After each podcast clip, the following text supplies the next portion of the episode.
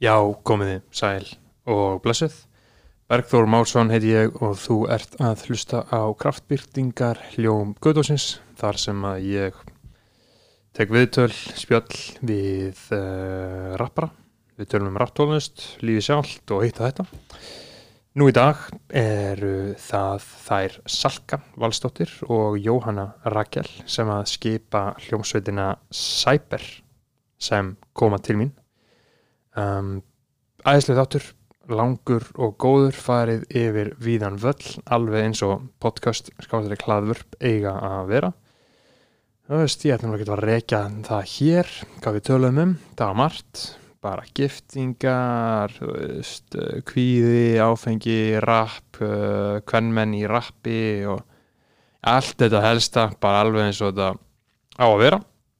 Um, ég er með Spotify playlista sem heitir Kraftbyrtingar hljómar Guðdómsins sem ég færi reglulega, svona nefnir nefnir alltaf í hvernig þætti, þið bara tjekkja á honum ef þið eru í feeling sem ég bara setja inn góð rapplög og þegar ég man eftir, eins og ég sagði, já, en þarna þessi þáttur er í bóði Júsú. Hamburgerastæðurinn Júsú er á hverjuskötu 40 og 4 búnir að vera að stiða mig frá því að ég byrjaði með þetta podcast í janúar, langu tími. Núna er, er við alveg að klára í júli Júsú er eins og ég hef sagt áður þeir sem hafa hlusta, þetta er besti vegan borgari, lang, lang, lang, lang lang besti vegan borgari á landinu. Eindóm veisla. Gott væpinni, núna voru þeir voru sko að breyta sem sagt uh, matsilinu sínum sem að, að þeir voru að bæta við þarna þeir voru, bæt, þeir voru breytið því þannig að þú þarf ekki að kaupa franskar og hambúrgara sér lengur. Þú kaupaði pakka sem er alltaf bara einn tón veisla fyrir menn sem að fíla gott valjú sko. um, ég fór á Júsú með það bara í gær af því að ég var að taka viðtal og uh, viðmælandin uh, bað um engi fyrir öl uh, sem er svona svolítið svona skrítin beðinni og ég hugsaði að hvað er í fjandra að geta kæft engi fyrir öl? Og þá datt mér í hug engi fyrir ölið á Júsú af því ég smakkaði það einhvern veginn þegar ég var daginn og það var alltaf bara ógislega fokkin gott. Þannig að ég fór og kefti tvö engi fyrir öl á leiðinni á Körskvöldu og viðmælandin var bara virkilega virkilega sáttu með þetta. Um, já þannig að Júsú er ekki bara góður hambúrgar og gott væp og góð tónlist þetta er líka gott engi fyrir öl. En já þið vitið að því kraftbyrtingarljómur Guðdónsins og Júsú farsælt samstarf. Júsú er hambúrgarstæður á hverfiskötu 40 og 4 endilega gera ykkur færð þanga við fyrsta tækifæri og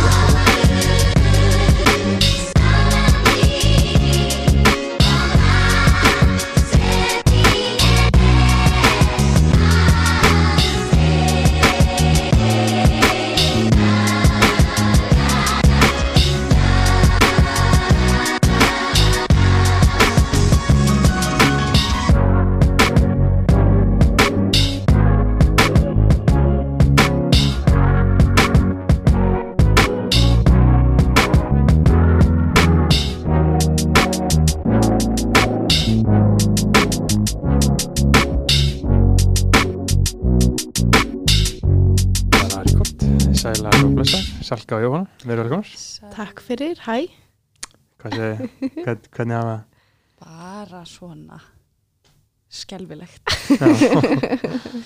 Nei, ég var að segja að ég er eitthvað smá í lagðinni í klukkutíma og nú líðum bara eins og ég sé gett lasin mm. Mér finnst þetta svo miðaldra hlutir til að gera Já, þetta er Mm. mjög glatað Það sko verður eitthvað, ó ég lagði mig aðeins svo lengi Mm.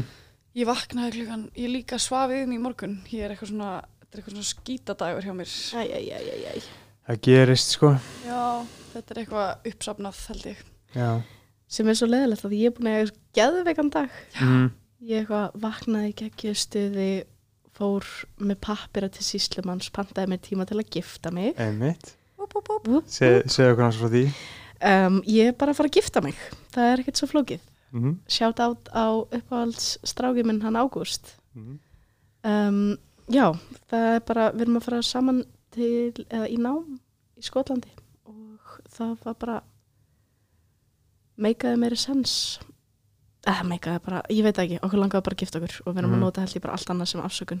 Er, er eitthvað svona benefits að því að vera gift í Nei, ég er Skotlandi? bara að segja fjölskyldunum mína þannig að segja Já, ekki eitthvað ok, okay, frík út ok. þegar ég segja að gifta mig. Ég það væri eitthvað svona ég meina, jú, það er, það er auðveldra fyrir að því að hann byrjar í skólanum núna og ég ekki fyrir næsta ári þá er auðveldra fyrir mig Mm. að fá landvistaleifi uh, út af Brexit og eitthvað, Er það að því að hann er með danskan ríkisborgar? Nei, það er bara því að hann er með veist, skólagöngu frá með í haust en Og- ég er ekki með fyrir næsta ári En er Brexit að mér komið í gegn það? Fer í gegn, gegn fyrst, já, fyrsta janúar Mm og svo Er er það- eitthvað svona, það er fyrsta skrifið og svo er í júni annars skrifið -hmm. en já, það þetta er basically bara aðeins auðveldara fyrir okkur að vinna pappisvinnu Mm en við vorum hvað sem er já við vorum hvað sem er trúlofið og þú veist við ætlum að halda veisluna á næsta ári og við höldum okkur við það núna Mhm. er bara að fara til síslumanns og drekka freyðin mín Akkurat, bara allt komið uh En- Stemmari. Þú veist, hvað hva, hva græði maður á þessu Íslandi? Ógeðislega mikið, sko. er það? Já. er þetta ekki bara ég meina, Jú, sko, þú náttúrulega getur nýtt persónaafslátt hins aðans sem, er er- alveg feitt, sko. ef að hinn aðeins er ekki að vinna Já, ok, ég, já. ef, þú, ef einn er atvinnulegs þá getur hinn nota Ekki skattkot eða að sko, vinna bara- verktakavinnu eða Já. eitthvað sem er eða svarta Það er bara vinnu ekki 100% vinnu. já en þú getur samt alltaf nota 100% skattkort Þú veist, þú... við erum strax byrjað að byggja um eitthvað, við erum, sko, erum hræðilegar þegar kemur eitthvað svona skattmálum og eitthvað svona Já. dóti, þá erum við bara Uh, einu rifrildin okkar sem er svona virkilega blow up er ég að vera bara, það er ekki satt hjá þér skatturinn er svona Mm. og Við erum reyfið svo mikið um skattar, sko. Ég Það það. er alveg með ólíkinn. það er fucked up sko En hvernig er það? Skilja ég það alltaf? ég... Þú veist, við við-. Við Við það bara, við skiljum mjög mikið um skattar. Ég held þess að við erum báðar bara mjög mikið ekki með þetta, sko. ég vil meina að ég sé smá með þetta Ég þú líka ert- meina að þú ég sé ert smá líka með smá þetta. með þetta en við erum bara Mhm. ekki sammála með við séum báðar smá með þetta Sko, ég held bara við í rosalega, við höfum rosalega ólíkar upplifunir af skatti. Þú hefur lent gett ill í skattinum, ég hef aldrei Já. lent ill í skattinum Já. og þú veist, ég er með endurskoðanda þannig ég líka að gera mig grein fyrir að ég hef gert þú veist, ég er náttúrulega ekki að klára að senda inn skattskíslu Nei, nei, nei. þannig að þú veist, það er það er öruglega betra að hlusta þig að því þú ert að gera alla skattana þína sjálf ég Já. er bara ekki, nei, þetta er ekki þannig og er ekki að gera það á einu. En ég, þú veist, er samt búin að vera að sjá um bókaldi, þú veist, ég sá Já. um öll fjármálinn hjá Reykjavík frá því ég var, þú veist, 17, þannig ég var Einmitt. 21. En ég sá líka, ég er eitthvað svona, ég var við hliðina á þér, ég er eitthvað svona, but you forget, I was there also. Já, já. En- ok, þetta er, er mjög, er heitt. heitamál, sko. Mm. Þetta er svona Já. okkar, En ég hef allavega nýtt, ég hef verið gift og nýtt persónuafslættin hjá uh, eiginmannu mínum, Mhm. þáverandi, og það var feitt sitt, sko. Ég fekk Mm. eitthvað svona 600 úrskall tilbaka frá skattinum, sko. Ég hugsa sko líka því að núna erum við, veist, Allir að gifta sig. Mhm. nei að því ég er sko í max lálaunastarfi, ég er að vinna á listasafni og það eru, þú veist, vaktirnar eru fjóru tímur á dag, fjóru tímur á dag Mhm. og það er ekki, ég er ekki alla dagveikunar. Þannig að þú veist, ég er að fá svona 100 áskall útborgað og hann er á sjó, þannig að hann er að fá miklu meira en það. Já, Þannig að hann getur alveg nýtt persónafslætti minn núna Ok, ekki, ekki og þá Það er eða, þú veist, og svo er þetta bara stemning held ég. Já, og síðan er líka sko held ég fullt meira sko Fræ- Frænka mín skrifaði uh, massasritgerð um sko hjónabandið sem. Já. skilur En þetta er- náttúrulega bara, þú veist, við erum að skrá okkur, við erum bara, við erum núna að fara að vera mm ykkar fólk, þú veist, bara ríkis, Já, bara ríkisbatterið, núna eigið Já. þið okkur. við erum horfum bara, við okkur sem heild Já, nú erum Já. við 100% líka bara, þú veist, já, ég held að sé auðveldra að fá lán.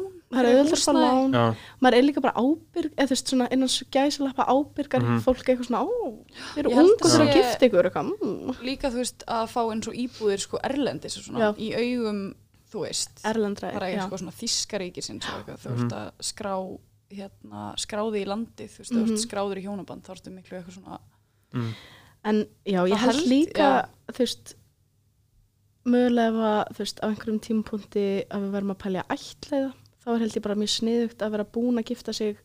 það Eins- getur verið eitthvað svona ég það er eitthvað svona, þú þarf að vera, já, Já. Þú, ég held það er alls konar sérstaklega með ætlaðingar og líka held ég bara alls konar svona tækni frjókana dæmi. Ég Mhm. reyndar veit ekkert um þetta. Ég er núna bara eitthvað svona að sko giska. tala Já. 100% Við erum út af raskatinn á 100 mér. p. En ég er loving it sko. Já, Mhm. ég er vera sko við erum við erum svakalegir, við erum bara já, já, já benefits, Já, benefits, já, benefits og svo bara ég held kannski mögulega ég sá í bíómynd að þetta Mm. er mjög snuð þannig ég ætla að gera það sko, eina sem ég veit svo fyrir víst er þetta með persónálsliðin að Einmitt. ég hef bara Síðan ég er fullt annað Það er hellinga. já, Já, já. það Já. er eitthvað næs fleira sko en ég held að þetta sé líka bara eitthvað svona þú veist, smá, sko. mér líður eins og þetta sé svona bara veist level unlocked dæmi að þú Mhm. ert bara eitthvað svona, nú ertu aðeins meira fullorðin og fólk tekur þið aðeins alvarlegra Ég Já. get staðfest að svo er ekki. þú varst átján þegar þú giftið, ég Já. 25 Mm. það er huge munur þarna milli Mm, já, Já, já, já. það er satt. Ég sko, en þú fari líka feitar gjafir. Já. Í brúðkaupsgjöfunum Mhm. Fólk Ok, er alveg að spreða í Já. brúðkaupsgjafirnar. geða bara eitthvað kitchenette vel og eitthvað Ég fekk alveg kitchenette vel. Aha. Ég er bara búslóðin mín, er bara brúðkaupsgjafirnar mínar. Sko. Þú veist, ok. Ég er bara með espresso vel og kitchenette og ég er svo spennt sko já, þú ert að fara, Mhm. maður er alveg, en ég er líka búin að vera eitthvað svona pínu lekkar svona seinustu ammali eitthvað, ég vil alls enga gjafir eitthvað svona, Mhm. því ég er bara eitthvað yes, yes, yes, þegar ég gifti Já. mig. But this is all part of my master plan. Ég er alveg smá með svona, þú veist, ég fekk, þegar ég var að skilja þá var ég alveg að smá bömmur yfir þessu, þú veist, að maður er eitthvað svona, ég var rosalega meðvitið um að ég væri búin að eitthvað svona vera með allt þetta sjó og allt þessi læti og fá svona mikið af dýrum, fínum gjöfum frá vinum mínum og fjölskyldu Mhm. og þá, þú veist, það smá fyndi hvað brúðköpsgjafir í rauninni setja mikla pressu á hjónabandið að einhverju liti. mm, já, þú meina Hve- Hvenær skildi? um, 2016 skildu við, þú voru gift í hvað, þrjú ár giftið þrjú ár, Já. já. Mhm. Og við, þú veist, þegar, það var, þú veist, ég var ekkert sérstaklega, mér varst ekkert sérstaklega skömmustulegt að skilja, e, þú veist, ekki eitthvað svona félagslega skömmustulegt, en mér fannst, mér fannst erfitt að upplifa eins og ég hefði beðið, þú veist, fóreldra mína um að taka eitthvað svona sens með mér, eða þú veist, eitthvað Mhm. svona að trúa á að það sem ég var að gera var að gert á einhverju innsæi og einhverju vissu mm og að þau hefðu lagt peninga í veisluna og að vini mínir og fjölskylda mín hafi gefið mér um eitt þú veist, dýrar gjafir Mhm. og svo núna var ég bara að henda því já, Þú veist, frá Já, já. þú veist, en ég En- veit að þetta er auðvitað líka bara meðvirkni sko. 100 p og Og- það er líka bara ég hef aldrei verið í samtali þar sem að við erum eitthvað við hefum kannski ekki að það gefa sölku espresso þú veist. Sama en ég er alveg smá með þetta um þetta ég er eitthvað, ég held ég myndi ekki gifta mig aftur fyrir en eftir þú veist tíu ári eða eitthvað. Því ég er bara eitthvað sakir. Vist, ég þarf að vinna upp annan kvóta í eitthvað svona fá aftur en það er líka bara þú veist, það er líka Mm. bara flott. flott Já, þú ég veist. þarf náttúrulega ekki að gifta mig aftur alveg strax sko. Nei. Eða ég get gift mig, veist, aftur eftir svona þrjú ár og skili aftur og svo tekið þriðja svona 40 ára. Þá næ ég að maksa gjafa Gjafa kvótan dæmi. sko. að því svo ef þú ert orðin eftir eitthvað svona 50 að gifta þig þá er Já. enginn að fara að gefa þig gjafir þá er þetta bara eitthvað já já þau Nei, eru það var búin bara að- eitthvað, sem, eitthvað, whatever þetta er er- næst og er líka bara eitthvað svona skriljón bönn og allt í klessu eitthvað ég held Mhm. að Það sem er náttúrulega stúpid við að gifta sig átján ára er að enginn vinniðin á peninga sko. Það er allir bara Mhm. Hvað? hljóðið í í borðinu. Það heyrist eitthvað. Já, þegar ég byrja. já, kemur svona búf sorry allt í góð hérna, nei já, bara þú veist, ef þú giftið úr átjánara þá á engin vinnin Mm. peninga þú færð Mm. bara smá svona ég fekk alveg svona, ég fekk hérna geða ekki að gjöf frá ykkur, ég fekk hérna kaffi vel Mm. en ég fekk hérna frá svona tíu manns. Já en samt. Sem er geggjað, sko, því voru átjánara það er æði, ég bara segja, ef ég myndi gifta með því ég Mm. 35 ára já, þá myndi ég fá þessu kaffi vel frá kannski einni já. þú veist, ég er líka bara, hvað ætla þú að gefa mér í brúðgjöfskef sko? ekki einu sinni spurja mig, sko, þetta er alveg eit- eitthvað geggjað. Ég, ég vissi ekki að það væri svona að um eða þú veist, ég bara hef ekki spáðið því sko. Nei, ég, ég hef svona- mætt í brúðkaup Ekki eitthvað að gefa uh, jú, bara eitthvað að gefa eitthvað, skilur Já, Sko, bara ég held eitthvað- að- Já, bara eitthvað svona já, ég held að sé samt svona nánustu vinnir og já, þú Já. veist ég hef aldrei mætt í brúðkaup Þetta er hjá okkur svona ömmu- mjög nánum Nei, Nei. þetta er líka algjört svona ömmu og allt, þú veist, allt í einu er amma og afi eitthvað mætt með hundra áskall í Mhm, þú veist, umslægi. Þetta er Já. smá svona ferminga stemming, sko. Já. mhm. Allt í einu ertu bara að fá, ég fekk sko 700 áskall í brúkaskjöf. what? Ég verði svo til Ha, bara 700.000? right about now. 700.000 kall. Og þú veist, kitchenette vel og Þið er fólk bara að gefa pening já, við vorum eitthvað svona, vildum fara í bandaríkjareysu. Þannig við báðum með fóruð, pening. það er ekkert að því að fara í bandaríkja Við fórum í bandaríkjareysu, ég veit að mér finnst bara fyndið að við erum eitthvað úlingar að gifta okkur byggðum pening fyrir bandaríkjareysu fengum eitthvað 700 skall og svo skildum við bara þetta er er er svona gott takk sko. Þetta er alveg takk, Þetta er ógæslega gott skemm sko. Já, Smá. en ég vil samt taka það fram að þið voru ekkert að skema. Ykkur var alveg Nei, alvara þegar ég er bara, mér finnst bara að fyndi að tala um þetta svona sem eitthvað, eitthvað get gott master plan. Já. það er náttúrulega alls ekki master plan sko. það var gert í fúlustu alvara. Já. Ef fjölskylda mín er að hlusta þá var þetta gert í fúlustu Já. það var engin að það er ógísla fyndið þessi þáttur verið bara um brúðkaup Já, uh, þegar maður fara að vera að fjalla meir um já mér finnst það að ég, ég hef aldrei, þú veist, ég hef aldrei vitað um jafnaldra mína eða þú veist, að gifta sig sko. Nei. Nú maður fyrst að sjá það sko. við erum líka, það er eða, þú veist, önnur vinkun okkur er að fara að gifta sig eftir bara já, viku við erum að fara Mhm. næstu helgi vestur og það er, hún, við erum búin að vera í smá samtali um þetta bara, Mhm. reyndar, þú veist, hún er að halda huge veislu núna og eitthvað þannig um, og hún var bara oh my god, það er svo mikið af fucking shiti sem ég var ekki búin að hugsa út í Já. í bara eitthvað svona skreitingar eða þú veist, maður er eitthvað, já, auðvitað hugsa mér um skreitingar en þú bara eitthvað, hvernig ætlar að skreita fucking heilt félagsheimili eða Mhm. eitthvað svona, og eitthvað þema what the fuck, skilur Já. eitthvað, já, ég var uh, ég er, Og kostar sitt alltaf eða ekki? Það kostar rugglaða peninga, sko. ég er endar, þú veist, við vorum alveg mjög svona sparsum sko. við náttúrulega brugguðum Við bruggum heimabrugg. 50 lítra af heimabruggi. Heimabruggu víni sem var ógeðslegt. Sko. eitthvað svona kanil og epla heimabruggi, ógeðslegt. Það er sko svona bara allræmt þinga í vinahópnum eftir brúðkaupið ykkar. Það, já, það, það var bara svona, það talar það er bara svona það það er versta sem allir hafa úr þessu brúðkaupi, eða þingan sko. það var Og það, en það var sko, við vorum búin að gera það. Við ætlum bara eiginlega ekki að borga neitt fyrir þetta þetta var líka annað svona mjög ung, næf, stúpid dæmi. Og við eitthvað, já, já, við bruggum bara sjálf og svo gerum við eitthvað rétti.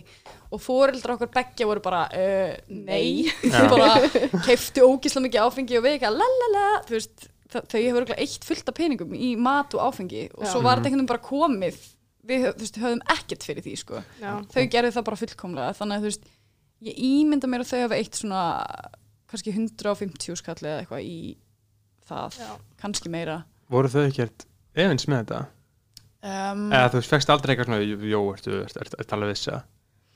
pappi minn var smá svona spurði, spurninga. Uh, en nei, ekki, þú veist, alveg merkilega lítið sko, og þau, já, þau voru bæði smá bara svona, við treystum ykkur. Og þú veist, við, við vorum alveg að gera þetta við vorum mjög sannfært sko, þegar við Mhm. giftum okkur. Já, og það var úrslega gaman, ég er mjög fegin við gerðum það einhvern Mhm. veginn, ég held að það hefur ekki alltaf leðilegt að gera það ekki. Og uh, þú veist, þannig að það var gaman, ég held þú veist, við eittum frekar litlum peningum í þetta en ég held alveg að hérna, sko við erum að tala um það þú veist, bara það sem ég var búin að reikna saman og ég er alveg svona að fara að halda mjög cheap veistlu það er alveg svona allan að hálf miljón sko.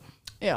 Það, þú veist, það, er mjög ódýrt, ódýrt, sko. Fólk er alveg svona ég var að tala við eitthvað eitthvað, eitthvað fyndi um leiðum maður eitthvað svona að fara að gifta sig það eru allir í kringum og bara eitthvað, já, oh my god ég er að fara að gifta mig, eða Mhm. við vorum að tala um að gifta okkur og eitthvað svona, allir búin að halda allt í einu eitthvað svona community af giftu já. fólki í kringum mig, er eitthvað það er líka eitthvað ég er stressuð, ég er stressuð eitthvað.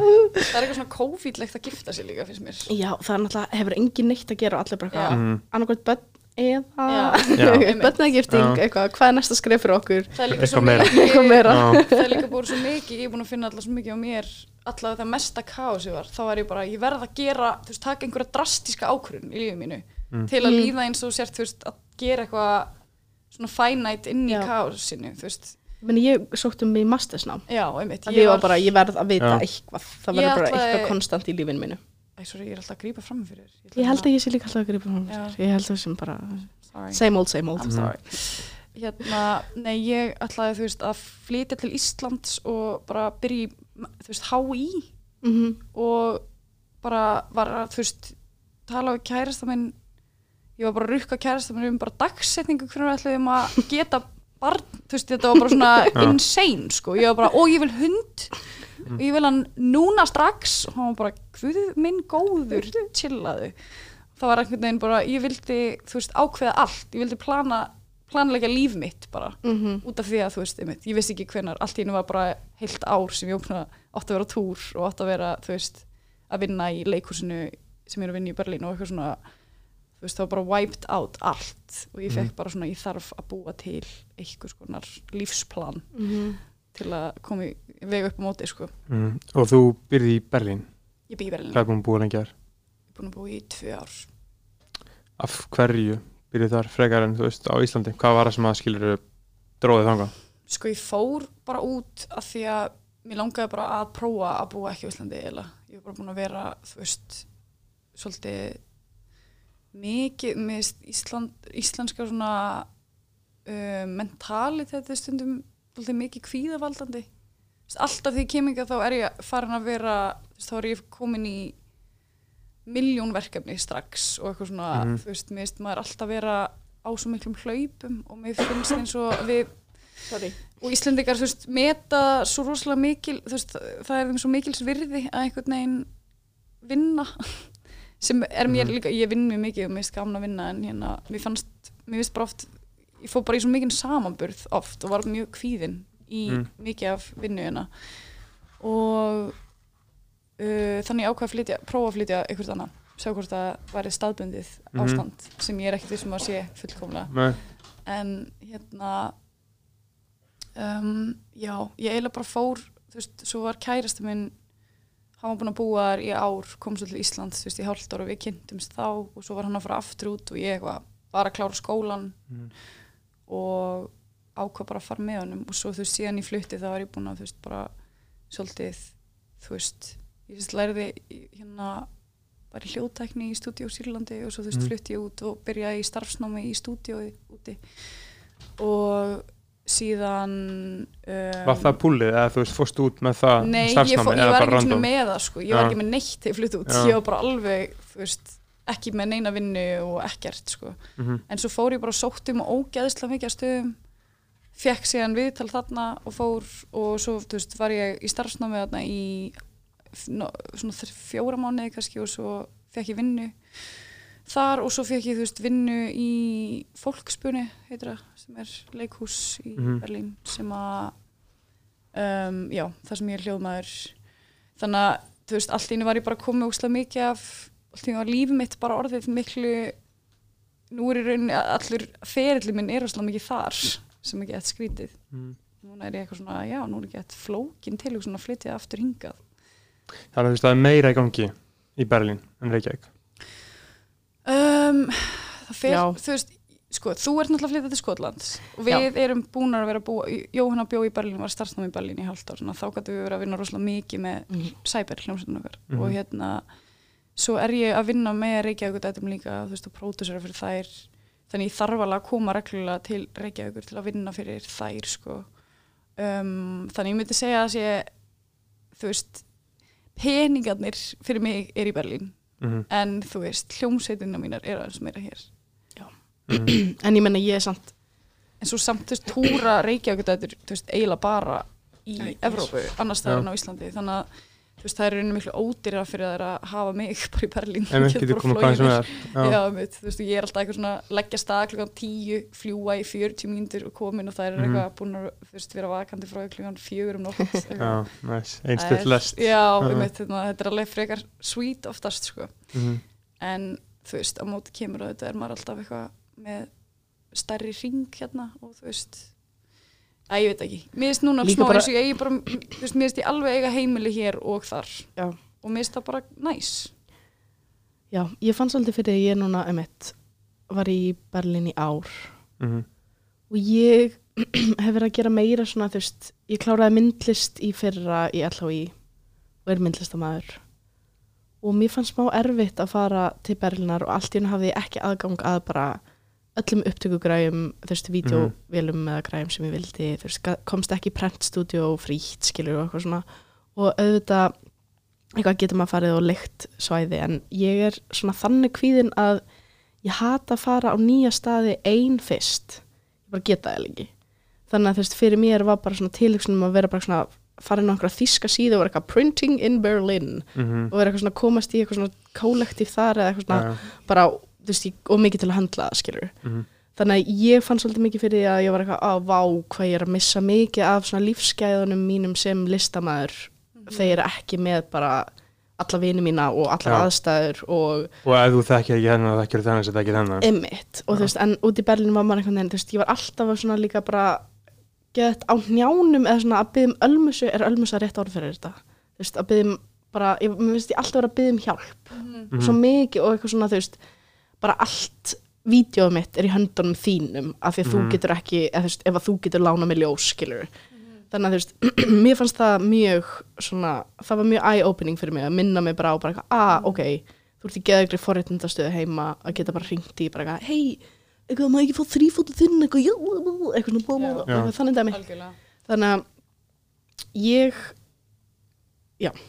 ég gott, ég man ekkert hvað ég ætlaði að segja með Nei, þessu en þetta er samt, ég skilja mm. úrslega vel, þú veist, það er líka bara geðið erfitt að flytja yfir höfuð frá Íslandi, þú veist, það sem þú ert vanur því að hafa endaleg sambönd og vera alltaf inn í einhverjum á stað þar sem þú ert, þú veist, svolítið einn á báti og þarft að vinna rosalega mikið fyrir því að vera komin með nógu mörg og sterk sambönd Mhm. til að einhvern veginn líða eins og sért nokkuð frjáls Já. í þinni framfærslu, sko. Einmitt. En það er svona, þú veist, byrjað að gerast hjá mér núna að ég finna, þú veist, oftast þegar kom upp aðstæður, þá er ég eitthvað, já, ég tala við þessa eða ég tala við þannig og eitthvað svona Mhm.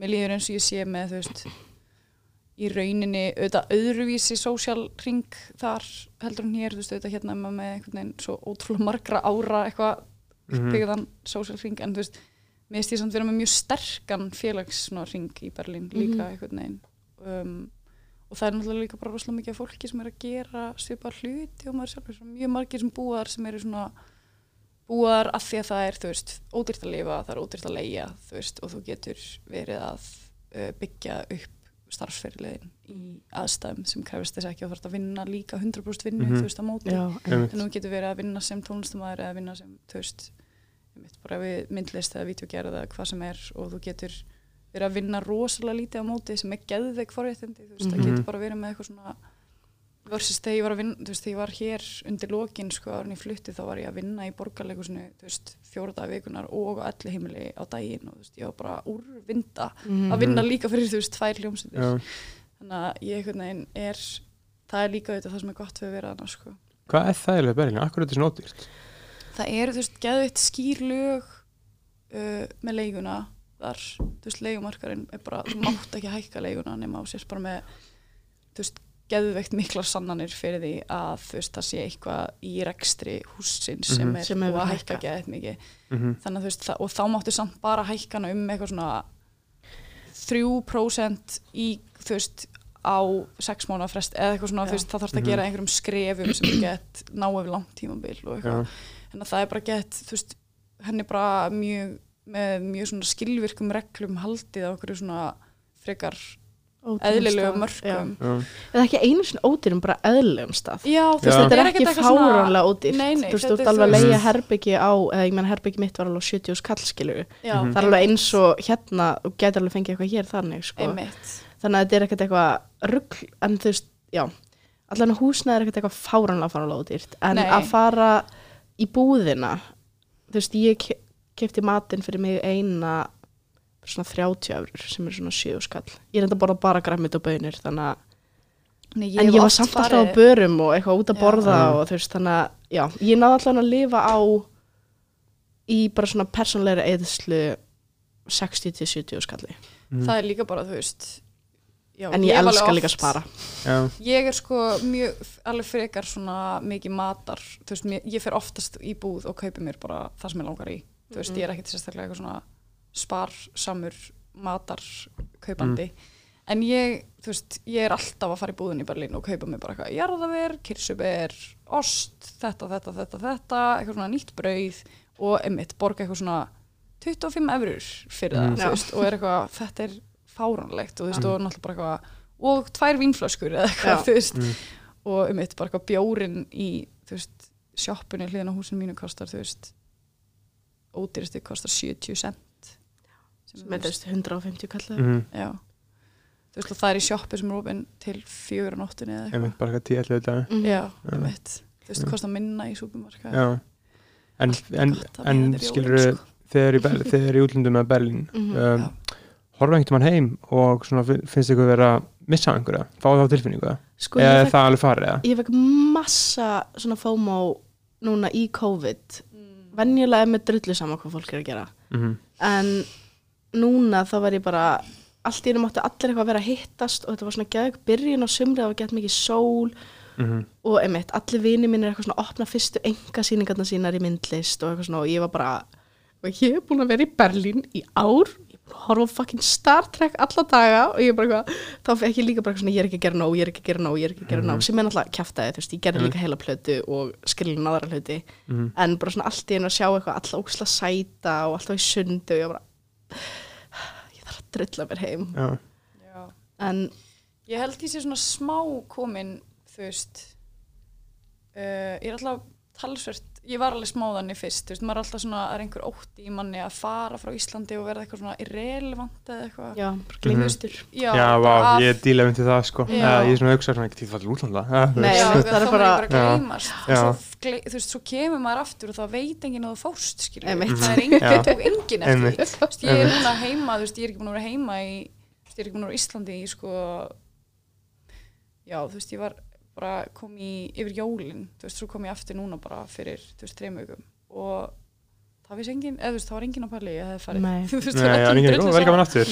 Já, þú veist, sumir eru bara eitthvað, hæ, já, ertu bara búin að vera hérna, þú veist, alla, allt sumar, eða þú veist, það Já. veit Já. engin neitt, það eru öllum alveg sama, þannig að ég held að maður einhvern veginn, mér líður smá núna eins og eitthvað svona, já, það er ekkert, það er ekkert að fara neitt, Nei. Reykjavík er ekki að fara neitt, ég er ekki að missa af neinu, ég er bara að gera, þú veist, aðra hluti á öðrum stað og það er geðið dýrmætt að einhvern veginn þurfa Mhm. að, að prófa að læra að þú veist, gangin í nýtt samfélag og venjast nýjum Mm. siðum og bara þurfa að þú veist, vera rosalega sjálfstæður einhvern veginn Ég held Mhm. sko ég hefði fengið meira sjokk um, ég fór í skiptinám í, til Barcelona þegar ég var í myndlist já, og þá var ég sko búin að vera á príkinu á hverju mennsta degi í svona þrjú ár.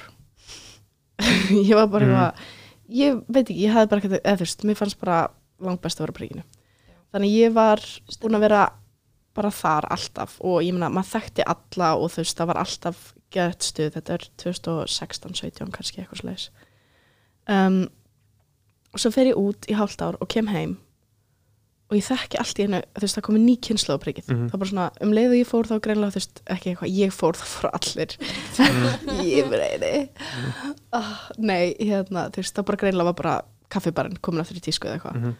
um, og ég kom aftur heim, eitthvað geðveitt spennt að fara prikið, eitthvað ég veit, 22 ára 21, bara lappinn og ég bara svona þekki ekki mannskinn á barnum og ég bara "Ugh, ég fæ ekki frít, eitthvað Mm. Einmitt þetta engar á reykingsvæðinu, var bara eitthvað ógisla sæt og svona hálf bara grátandi því ég var Mhm. bara, I'm over Búið þetta er búið, bara Ég held að ungdómurum minn er búið Já, já bara ég er, ég er núna gömul þetta er allt Mhm. börn bara, og ég þekki þau ekki einu sinni. ég er ekki Mhm. einu sinni eitthvað svona eldri mannskinn á djamminu sem allir er eitthvað já, Jóhanna, what's up ég var bara þú veist, eldri mannskinn 22 ára skilur Mhm. eins og manni leið þá, ég var bara Já. Ég hef aldrei Það- verið með jafn mikla aldurskomplexa á svona 22 Það er þegar erfast aldurinn sko. Það er hræðilegt, Ég tengi sko. bara akkurat 2017 Bara, þú veist, Það bara- nákvæmlega þá. Já, var allt í nefnitt líka 22. Það er, það er ámaður sem ég var fullorinn En er það alls ekki, skilur? Alls ekki sko. Og líka bara einhvern veginn þá eru þú veist ég meina við byrjuðum að djáma í bænum svona 16 ára 17 kannski. Þannig að þú veist þegar þú ert já, þegar þú ert búin að vera það kannski í hvað, Mhm. 6 ára eða eitthvað og allt í hennu, þú veist, búin að vera yngst, yngst, yngst, yngst, yngst, alltaf eða þú veist, og svona einhverjur nokkra mannski þetta er nút og eitthvað svona þá er bara allt í hennu ógislega erfitt að vera ekki yngstur og það er bara komin ekki ein kynnslóð þess að eftir, heldur tvær og maður er bara Mhm. eitthvað ég er ekki hot lengur af því ég er gömul og og, líka ekki lengur eitthvað svona successful með við aldur Nei, maður er bara svona, já. sko. Þegar þú ert alltaf inn eitthvað svona, já, nú er bara alltaf eðlilegt að þú sést búin að gera eitthvað í lífið þínu Já. Eitthvað- Mhm. að því við erum náttúrulega líka erum, þú veist, yngstar þegar við byrjum í Reykjavík, þetta voru við 17 ára já, þú veist, og allar stelpunar eru þú veist, það eru flesta Sex, 5 árum já, eldri sex við til eitthvað. 12 árum Mhm. eldur þannig að þú veist, já, upp að þú veist, já, já 11 eða 12 árum eldri við þannig að þú veist, við vorum alltaf eitthvað svona algjör babies eitthvað eitthvað svona. börnin sem var eitthvað, oh my god, þeir eru svo ungar þeir eru svona Já. klárar. Eitthvað, eitthvað yes, svona, og við eitthvað, eitthvað. oh my god, já eitthvað, Hvað, við erum svo duglar eitthvað. Þannig ég man alveg eftir þegar ég var alltaf inn eitthvað, já, nú bara ég lendi bara meira svo bara í því fólkspunni einhvern tímann, þú veist, fyrir ári að þá var einhver gæl eitthvað ó, ég trú ekki úr sérst að vinna í hljóðdildin og það geði þetta og hvað ertu gömul? Og ég eitthvað, já, 24, hún bara já, ok, ég held að vera yngri Já, ég var bara, oh Ó. my god ég er, I'm a failure Mhm. svona ógæslega fyndið Ég er nefnilega ný, ég er bara var 25 árum daginn sko Mm. og, og spurður bara, hvað er? Ég sagði, 25 og svona sem ég skamma sem ég fyrir Já. Já, Þú veist, ég er sko Svona- geðveikt til í 25 Já. ára við finnst það að vera Þú eitthvað svona ert ekki orðin 25 Ég verð 25 ára 1. Eftir viku, ágúst, þú veist, á laugadaginn sko. Mhm. Ég myndi er alveg samt líka ég nýjórðin 25 Já, Ég reyndar, mér er eiginlega sem Mér sama en þú veist ég, ég fíla samt smá mér fannst sko 24 23, 22, 23, 24 var skelving sko. Þannig ég smá bara eitthvað, ég til ég var 25 og vera bara, heyrðu, ég er 25 bara, Mhm. look at me dominate my age, já. ég er eitthvað svona nú, ég, já, Mér finnst 25 vera mjög, þú veist, að því mér finnst það líka samt vera svona marka ykkur skil þar sem að þú ert smá bara máttaleg vera alvarleg, eða þú veist, Já. þú ert bara orðin fullorðin Einmitt. einhvern veginn og mér finnst það frekar næs. mér finnst það smá hot sko ég Mér finnst líka það smá bara, sexy. fólk er, emitt, ég fór til síslumann sem saðan og ég var Já. bara með alla papirina ég var með allt, bara sett í brefaklemmur á rétta staði, skilur, með allar undirskriftir og rétta inn og bara fór líka í fullorðinsföti mín og hún bara, oh, svo gaman að sjá fólk sem kemur með allar réttu papirin, ég bara, segðu mér Já. já, já, segðu allskan þú veist, þannig að ég er líka bara svona loksins má ég líka vera, ég er líka bara svona, ég hlakka til að fara í bankan hlakka ekki að til að fara í bankan og byggðum, þú veist, ég vil fá nýtt kort, ég vil líka fá stúdendakort, ég vil fá silfurlit Mm. eða gullkort, takk Mm. þú veist, Mm. ég er svona, ég til í þetta ekkert í lífinu Ég skilði sko, mér finnst bara spennandi til að vera, þú veist, komin á okkur stað í lífinu þar sem mér líður ekki lengur eins og ég sé úlingur. Já. Þú veist, og ég veit að það kemur ekkert endla með einhverju tölu en þú veist, og þetta er bara allir gangur að því hvernig Mhm. það eitthvað passeth you by. En Mm. mér líður samt alveg eins og sé smá að gerast og mér líður svo mjög margir tala um að það sé ykkur skýr þau eru 25 ára, það sem að svona allt inn er eitthvað, já, nú er þú veist, ég finna viðmóti eitthvað sem mér Mhm. er, þú mátt alveg vera þú veist, það máli taka þér alvarlega núna, Já, skilur, einmitt. þú veist, það sem þú gerir er ekki eitthvað endilega passing nei tilraunir eða eitthvað mm. Og ég er samt ekki að segja eitthvað ef þú ert 25 ára og veist ekki hvað þú vilt gera það er bara all good líka Já, já, já. sko, Mhm. en þú veist, ég meina að mér líður eins og þú veist það, það er eitthvað svona smá Mm það er eitthvað smá svona áþreifulegu munur á því og að vera, þú veist, 21 tvekja ég veit ekki, þú veist, mist bara að vera smá upgrade, sko Mhm. en svo líka smá mér finnst smá næs að vera emitt þú veist, eins hræðilegt að það var að fatta þú veist, oh my god, nú er þú veist, með við aldur ekkert svo merkilegt það sem er að gera þú veist, ok en núna, það, mér finnst það, núna finnst mér að smá bara taka pressun á því, bara já, ég má gefa út plötur, ég má líka bara chill í ár og ég má líka fara í þú veist, þetta nám og ég má líka hætti því, þú veist. Mhm. mér finnst það svona aðeins, mér finnst meira eitthvað svona, já, ok, þú ert bara, þú veist, emitt þú ert established í einhverju og þú ert góðið í skiluru Já, en þú mátt líka alveg pröfa að feila og þú mátt líka þú, algjörlega, veist, sko þú ert ekki eitthvað wonder kid og það, því það er ógeðslega erfitt að lifa undir eitthvað svona stimpli af bara the hot person right now eða the wonder kid right now þú veist, það er Mm. skelfilegt og maður býr bara til lélega hluti eða ekkert endilega Já, það er bara Mm. það eru bara Mm. ég náttúrulega bjó bara til frábæra hluti þegar ég var wonder kids en allir Mm. aðrir hafa Já. mest gert ömulega katalógi sinn þá nei, ég er að, Mhm. vá ég er að grínast, sorry þetta var, En þarna, finnst, finnst ykkur, eru þið báðar svona þannig að þið sitið svona rosalega pressu á einhverja? Já uh, Já, Hvaðan alltaf, hvað, hvaðan alltaf það Já. komi? Um, ég var í fimmlegum í 16 ár. Mm. Ég var í landsliðinu frá því ég var 12 ára og pappi minn var Íslandsmeistar í mörg ár Í fimmleikum? í fimmlegum líka. Mamma minn var í landsliðinu í handbólta fótbólta og Ætt. já, ég var bara, þaðan kemur þetta. Já, já. Eða þú veist, ég var bara, eh, frá því ég var barn, það var Mhm. bara, þú að vera best og þú átt að vera frábærust. já, Þaðan kemur þetta hjá mér allan. ég held að sé líka fjölskyldu tengt í mér, sko. Þú veist, fóröldin minn eru bæði alltaf unnið mjög mikið, þú veist, vinna mikið og eru mér fannst því ég var úlingur eins og ég var svona well to be, eitthvað svona gert smá ráð fyrir að ég ætti að vera eitthvað svona eitthvað, þú veist career woman mm þannig ég hef kannski alltaf sett smá þannig pressi á mig en svo líka bara er ég gett þrjósk Mm. veginn og langar að læra og gera gett margt þannig ég Mhm. bara oft forgangsra því meira heldur en því miður oft þú veist vinna samböndum mínum og Mhm. ástarsamböndum og eða þú veist, mér veist ég oft taka vinnu alveg svolítið mikið fram fyrir margt annað sko já, sem að getur auðvitað verið, veist, það er líka bara kannski alltaf er- lægi á þessum að aldri hér sko og það er líka bara ég held að sé líka æ bara svo skilur það má bara, Já. maður þarf ekkert endilega Nei, það er nei. líka bara pressan þú veist, ég meina þarna ertu líka að setja pressa þig að þú veist, vera betri vinur eða magi skilur Já. eða fjölskyldumæðlumur Já. og það er bara, þú veist, það er bara 24 tímar í veit og þú átt að sofa átta þó maður sofi bara 6 skilur mm. og restin er bara Mhm. hjálp skilur, maður er bara í, Já. Þú veist, ég er aldrei ekki að vinna. Nei, ég veit að ég skamma mig allt og mikið fyrir að vera ekki nógu sko, þú veist, ég veit ég mjög góð vinkuna þú veist, við erum auðvitað allt og mikið saman en við erum alltaf sko, við erum stundum erum við eiginlega ekki vinir heldur bara, þú veist, við erum bara saman í business skilur eða, eða eins og hjón eða eitthvað Já, Mm. en þú veist, veist þú vera svona ég tek þig ekki alveg með Nei, það, skilurðu, en ég líka, þú ert ekki að eitthvað. mig skilur, þetta er allt í góðu Nei, mér finnst ég ekki vera Nei, vannrækja þig sko. ég er ekki með eitthvað samvinskupið gafur þér en ég er með, þú veist, samvinskupið næstu því öllum öðrum vinnum mínum Já. nema þér og þú veist, finnst ég heila og ég gerir það líka bara oft með vinasamböndi ég oft svona tek einu mannesku fyrir í smá tíma sem að ég er eitthvað nú er þú Já. My Mhm. person. Og ég ringi þig þegar ég vakna.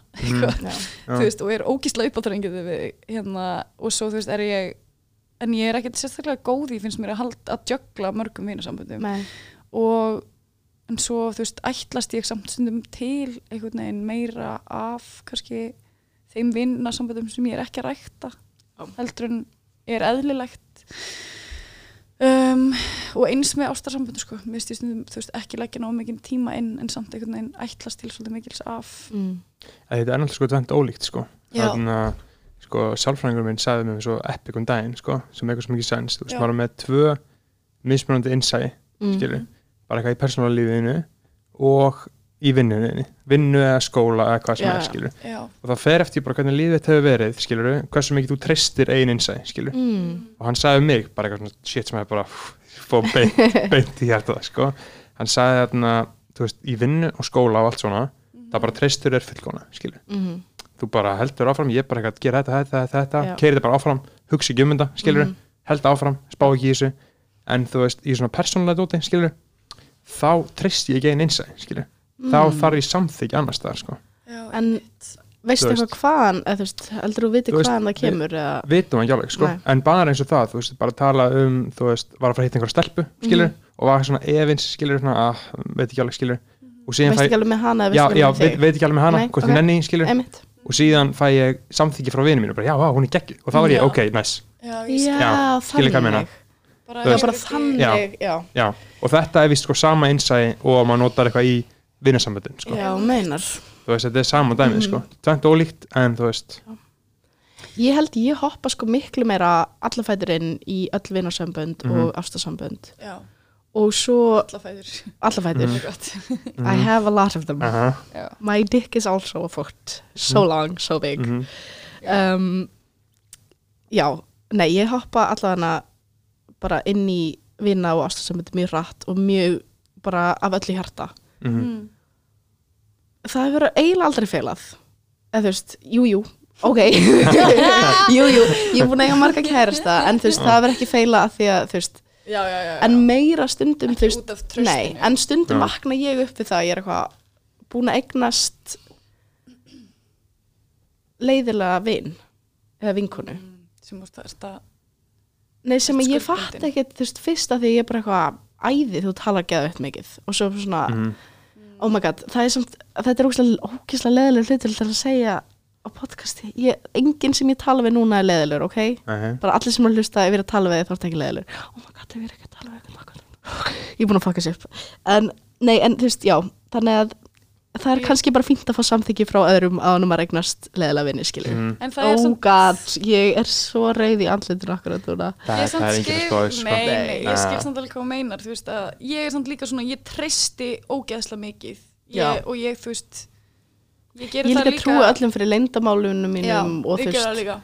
Og kærist, sko þú veist, ég er mitt allir kæristar mínir, ég er alltaf mjög all in. Mm og held ég sé alveg með frekar stert innsæi eða svona, þú veist, ég held ég sé alveg með frekar þú veist, treysti sjálfur mér frekar vel þegar ég er eitthvað að byrja að hitta eitthvað ég er yfirleitt mitt líka frekar eitthvað svona ok, þetta er að fara Mhm. gerast Mhm. og ég er bara hérna að dömpa mér, þú veist, ég er Mhm. mjög svona vulnerable í sambandum en mér finnst það, þú veist já, ég kannski í vinasambandum er ég bara aðeins svona skeftísk á, Já. þú veist að ég einhvern veginn bara eh, ég er, þú veist, svona spar ég hrættum að eyða tímanum mínum Já. í manneskjur sem ég fæ ekki nóg mikið út úr veist. og ég fæ alltaf nógu mikið út úr sambandum veist, að það er ógislega auðvitað er það bara stanslust díalógur, stanslust hérna, þroski sem á sér stað innan Mhm. sambanda og það á, og sama gerist í þau sterkum vinasambandum Mhm. en þú veist, vinasamband sem eru ekki þess eðlis, ég er samt ekki að segja þetta eitthvað þau eru ekki að gefa mér nei, eitthvað frítt í bíó. Þú veist, ég er að meina bara fólk sem er þú veist, bara meiri te tekur, krefst meiri orku en það gefur Já. og þú veist, samtölin eru kannski þess eðlis að það er bara meira hérna, eða bara þú veist ekki ná þínu áhuga nei, þú veist, eða bara Mhm. þú veist, krefst þess að ég sé, þú veist, gefa rosalega mikið af mér í einhver Mhm. svona hlustun og sálgreiningu en að það sé ekki, þú veist, tilbúið að svara í sömu mynd og Mhm. eitthvað þannig Einmitt. Þú veist, ég er bara hrætt við það ég er hrætt við Já. að setja tíman minn og orku og líka held ég að því ég er einlæg og opin Mhm. við vinnu mína já, finnst mér, upplifi ég þannig að þú veist, ég, þá held ég kannski að þú veist, ég sé einhvern veginn já, ég veit ekki, ég held að sé aðeins meira svona varkárari það kemur að því að, þú veist, velja mér vinni, sko. svo fyndi samt þetta með tíman sko, eða þú veist það eigði ekki tíma Já, ég veit það. það er, eða þú veist, ég er ekki að segja ég, líka- ég skil já. þig 100 p, ég er ekki Já. að gaggrina ég er bara að segja að það er svo ógislega grillað Ég veit það. veist, En þetta er samt líka út af einhverjum vinnu ethik. Að ég, mér finnst ég eiga að vinna svo ógislega mikið mhm og þegar ég er ekki að vinna þá verður að hafa eins gaman og verð- hægt er eða eins kósi eða bara eins sko nærandi og eins, þú Mhm. veist, gefandi bara ég nenni ekki að eyða eyða innan Já. tímanum mínum í eitthvað sem að er Þú ekki að koma- gefa mér Þú eitthvað. vilt ekki koma þreytt út úr einhverju sem ekki vinna skilur. já, Nei, einmitt. Og þetta Vá. er örgulega þú veist, ég, þú veist, ég líka bara þess vegna er ég, ég kem til Íslands og ég er bara eitthvað svona 90% með þér sem ég sem er alltaf með eitthvað neginn og mömmu minni, skilju og svo er ég bara að gera ég, eða þú veist, næstu því hýrkininum öðrum, sko. Nei en já en það líka náttúrulega bara þegar maður er ekki búin að sinna vinnarsamböndum í einhver tíma þá Nei, eru þau ekki eins gefandi strax Mhm. skilur þá þekkir bara ekki manneskjuna eins vel veist, það. þó það sé bara eitthvað svona hálft ár með sumavinni þá ertu bara strax skilur já en svo annað fólk þá þarftu bara svona aðeins að catch up mm. og fyrsta skipti er þetta eitthvað oh, nenni ég þessu nú aftur, næsta skipti sem heitist æði, ég, ég held ég sé ekki nógu duglega að svona, veist, leggja follow up Já, follow up og leggja Já. vinnuna um mitt sem þú þarft að leggja í til Mhm. þess að stundum koma, koma vinasambandi Já. á eitthvað svona þægilandstað en ég er, þú veist, og svo stundum um mitt hittir maður eitthvað sem er bara strax klikkar og þá er ég mjög til í að Já. þú veist, þá er ég bara all in í en því kannski sko. er þetta bara eitthvað svona að þú vilt the instant gratification í eitthvað sem að, þú veist, þú Já. flokkar ekki sem vinnu eða, það getur verið, sko, eða bara, þú veist kannski er þetta líka bara eitthvað svona hræðisla við að vera haf, haf, Hafna, eða þú veist, já. kannski er Mhm. bara eitthvað svona vil ekki vera ég veit ekki, bara eitthvað svona að taka um, vil ekki set eitthvað svona push yourself out there, kannski bara hrættar við að vera höfnuð af vinum heldur en af, Heldur en- af ástmönnum Mhm. eða það er samt alveg bara mjög skiljanlegt já, Mhm. mér finnst það líka eiginlega bara hættulegra að vera, eða þú veist, hættulegra Þú ég er miklu hrættari við svona miklu- friend breakups heldur en Já. við, þú veist en líka að- bara ekki breakups, ég er meira líka bara eitthvað svona, þú veist Átök Já, en líka, þú veist, orðspor. Eða þú veist, Mm. mér finnst ef ég hætti með einhverjum strák og hann er eitthvað, Jóhanna er algjörtussa, engin deitana, skilur mm, Mér finnst Svona það mjög ól, mér finnst það betri tilhugsun en því ég er bara eitthvað, æt, adjós, ég fer til útlanda eða bara, þú veist, býð í korter og fólk fattar að ég er ekki hræðileg og ég er ekki tussa, skilur En með vini, mér finnst miklu erfira því að ég líka bara, veist, það eru ákveðna típur í gegnum lífið sem að, þú veist, voru tussur við einhverja vinkorum hans eða eitthvað og það er búið að segja manni bara, jó, við tölum ekki við þessa gælu. Eða Mhm. þú veist, við tölum ekki náttúrulega miklu minna núna þegar maður er orðinn 25 ára Já. en þú veist, ég er samt miklu öll að vera þessu. eitthvað svona höfnuð af heilum kvennahóp Mhm. já, heldur en einu manni eða, þú veist, eða tveim mönnum, eða þreim mönnum eða, Mhm. eða hópa manna, mér er alveg sama þú veist, en ef að konum fer að líka illa við mig Mhm. þá er ég skítrætt sko mm, að því ég er bara eitthvað ég vil ekkert nema gott fyrir konur og auðvitað fyrir Mm. menn líka en bara sérstaklega fyrir konur sérstaklega fyrir konur eða þú veist, bara það er nógu mikið á mót okkur í heiminum til að aðra konur sé ekki að styðja konur, skilur Já, þetta er flóki mál sko. Ég er búin að hugsa Ætlaði að spyrja um okkur þetta. einhverja spurninga? Ég var að fatta að við erum búin að vera Við við erum bara búin að vera bara þið bara búin að saman þetta sko, þetta er bara frábært sko. Við Þarna- náttúrulega endalaust það er ekki, við líka Já. svona Stór hættulegt mál. Eða þú veist, þetta er bara al, alveg þess að þetta á að vera sko. Skattar, brúðkaup vinasambönd sko, bara búin að fara yfir allt sko. Þetta er sem, þetta er sem Stór fólk vil heyra sko. En þarna segjum frá því þannig að þið byrjuðu að rappa? Oui, We, Um, oui. Yo, yes. Þið voru yngstar í Reykjavík Aha, og hvað byrjuðuð? 2013 13, já, sjö árum. Búin að Sjö rappa í árum? Sjö ár, Já. Új, pældi því. Crazy. Ég er, eitthvað, ég er ekki betur en ég er. Nei, Nei, nákvæmlega. En þú veist, hvað- haldið. hvernig þarna hvernig gerist það? ok, hvernig Á ég að segja söguna núna? Já, Ef að sjá hvað gerist go Mhm. for it Við erum búin að segja þessu sögu svo oft Mhm. og hún er alltaf svona aðeins að breytast Já, Ég er örugglega með, maður er örugglega búin að gleyma nákvæmlega hvernig það Já. gerist sko. Basically, ég og Salka vorum kallkerfiskauðar í MH sem að er manneskjurnar þetta er mjög eitthvað svona 2000 og in the 2010 sem er auðvitað löngu aukt já, já. útdautt núna þá, myndu, þá vorum við í hátæðisleginu með gjallarhótt og vorum eitthvað, oh my god, ball á eftir kaupið eitthvað miða og eitthvað Einmitt. tilbúð á samlókum, vorum basically auglýsing, gangandi auglýsing að áreita fólk í eina einu pásun eða almennilega Mhm. mm, Hræðilegt sko Já, Allir hata Af hverju, af, af hverju gerða þetta? þetta, Þetta var Það bara ráð Já. já. þetta var ekki við eitthvað að mæta með gjallarhótt eitthvað, þú veist, þetta var Þetta er líka kannski, þú veist, Já. þing sem þú áður en varst að valin í eða eitthvað Já, já. er líka það er en, ennþá í rauninni þú veist það er kannski ekki alveg jafn mikið þú veist, náttúrulega miklu minna social media. Já, veist, já, þetta er erfiðara að 2011 auglýsa. kannski eða 12 2012, já, 12, já. Þú veist, þannig að við erum já, um, Það er Instagram sem ég ekki. að sem ég ekki, Nei, skiljum það er ennþá, það er ennþá allir að setja Nashville filterinn og ramma, Mm. Já, og það myndi Já. enginn, þú veist, vera eitthvað að auglýsa event á Nei, Instagram. Það var ekki og ekki á. Facebook var ekki einu svona almennilega eitthvað svona fyrir Facebook var svona ný skriðið En þú Er veist, það ekki? ég- eða Mhm. þú veist, jú, jú, en ég meina þú veist, maður var ekkert eitthvað að fylgjast með á Facebook hvað verið gangi í skólanum sínum, Já, þú veist, það var ekki mikilvægur en lífið sjálft Nei, nei, nei. Vá, ú, very, deep- very deep, Án ég er eitthvað, oh my god, það er Mhm. of mikið til að hugsa um akkur hérna núna. Mhm. Ok, en við allan á þessum sama tíma þá voru við eða búin að ákveða að við værum í hljómsveit sem héti Cyber af því að við áttum varalit frá Mac sem að fóra okkur bæði báðum gett vel svona Mhm. dökk fjólublár Ógeðslegur varalitur. ógislegur varalitur við vorum bara, oh my god, hann fyrir mér vel og þér vel. Og ég er ógislega törnað og þú ert ógislega hvít. Oh, geggjað, Shocker. Shocker. Og við vorum bara, við erum hljómsveit, við hefðum Cyber. Bara, en við vorum byrjar að fara í partí og kalla okkur Cyber og við erum bara, já, við erum thrash metal duoði Cyber Já. aldrei gera neitt eða þú veist, Nei. við vorum bara svona alltaf að ákveða eitthvað svona í gríni Já, bara svona vorum fe- fake it till you make it Já. Við vorum alltaf að ljúa Við vorum alltaf að ljúga. Spila eitthvað stær í Rússlandi já, og bara eitthvað svona Já, Við vorum búin að gera, þú veist, plana í all lögin á plötun okkar en við höfum, þú veist, ekki búin að semja eitt einasta lag Nei, sko. og og, þú við vissum ekkert líka, þú veist, ég var eitthvað aftur að spila á trommur og þú þú veist, hljómborð, fjórðabæk já, þú veist, þetta var bara var bara glata ég held við vorum bara, þú veist, við þurftum bara eitthvað afsökun til að vera að ljúga fólki í partíum Mhm. eða neyri Mm. bæi eða eitthvað, ég veit ekki alveg. Um, en svo flytti ég til Rússlands að æfa fyrir heimismistar móti í fimmlegum rest in peace. Yes, yes, yes. Um, sem að gerðist ekki. Ég fekk sem sagt ekki pláss á uh, í íslenska liðin á heimsmeistaramótið sem var mér var búið að, var búið að lofa mér því og þetta var svona pínu devastating Mhm. og ég átti eftir tvo mánuði af Rússlandsferðinni þegar ég fæ að vita þetta. Og ég er 18 ára og vodki kostar þú veist, lítirinn á eitthvað þúsungall og kartar á sígarettum á 2 og 5 og ég var bara, mm, held ég áfram með fimmleikum sem ég er búin að fórna lífinu mínu núna í 16 ár.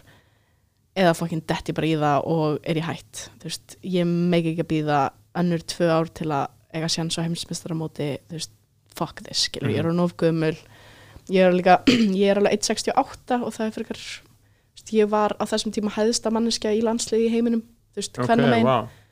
Já, þetta var eitthvað svona allavega, ég var bara búin.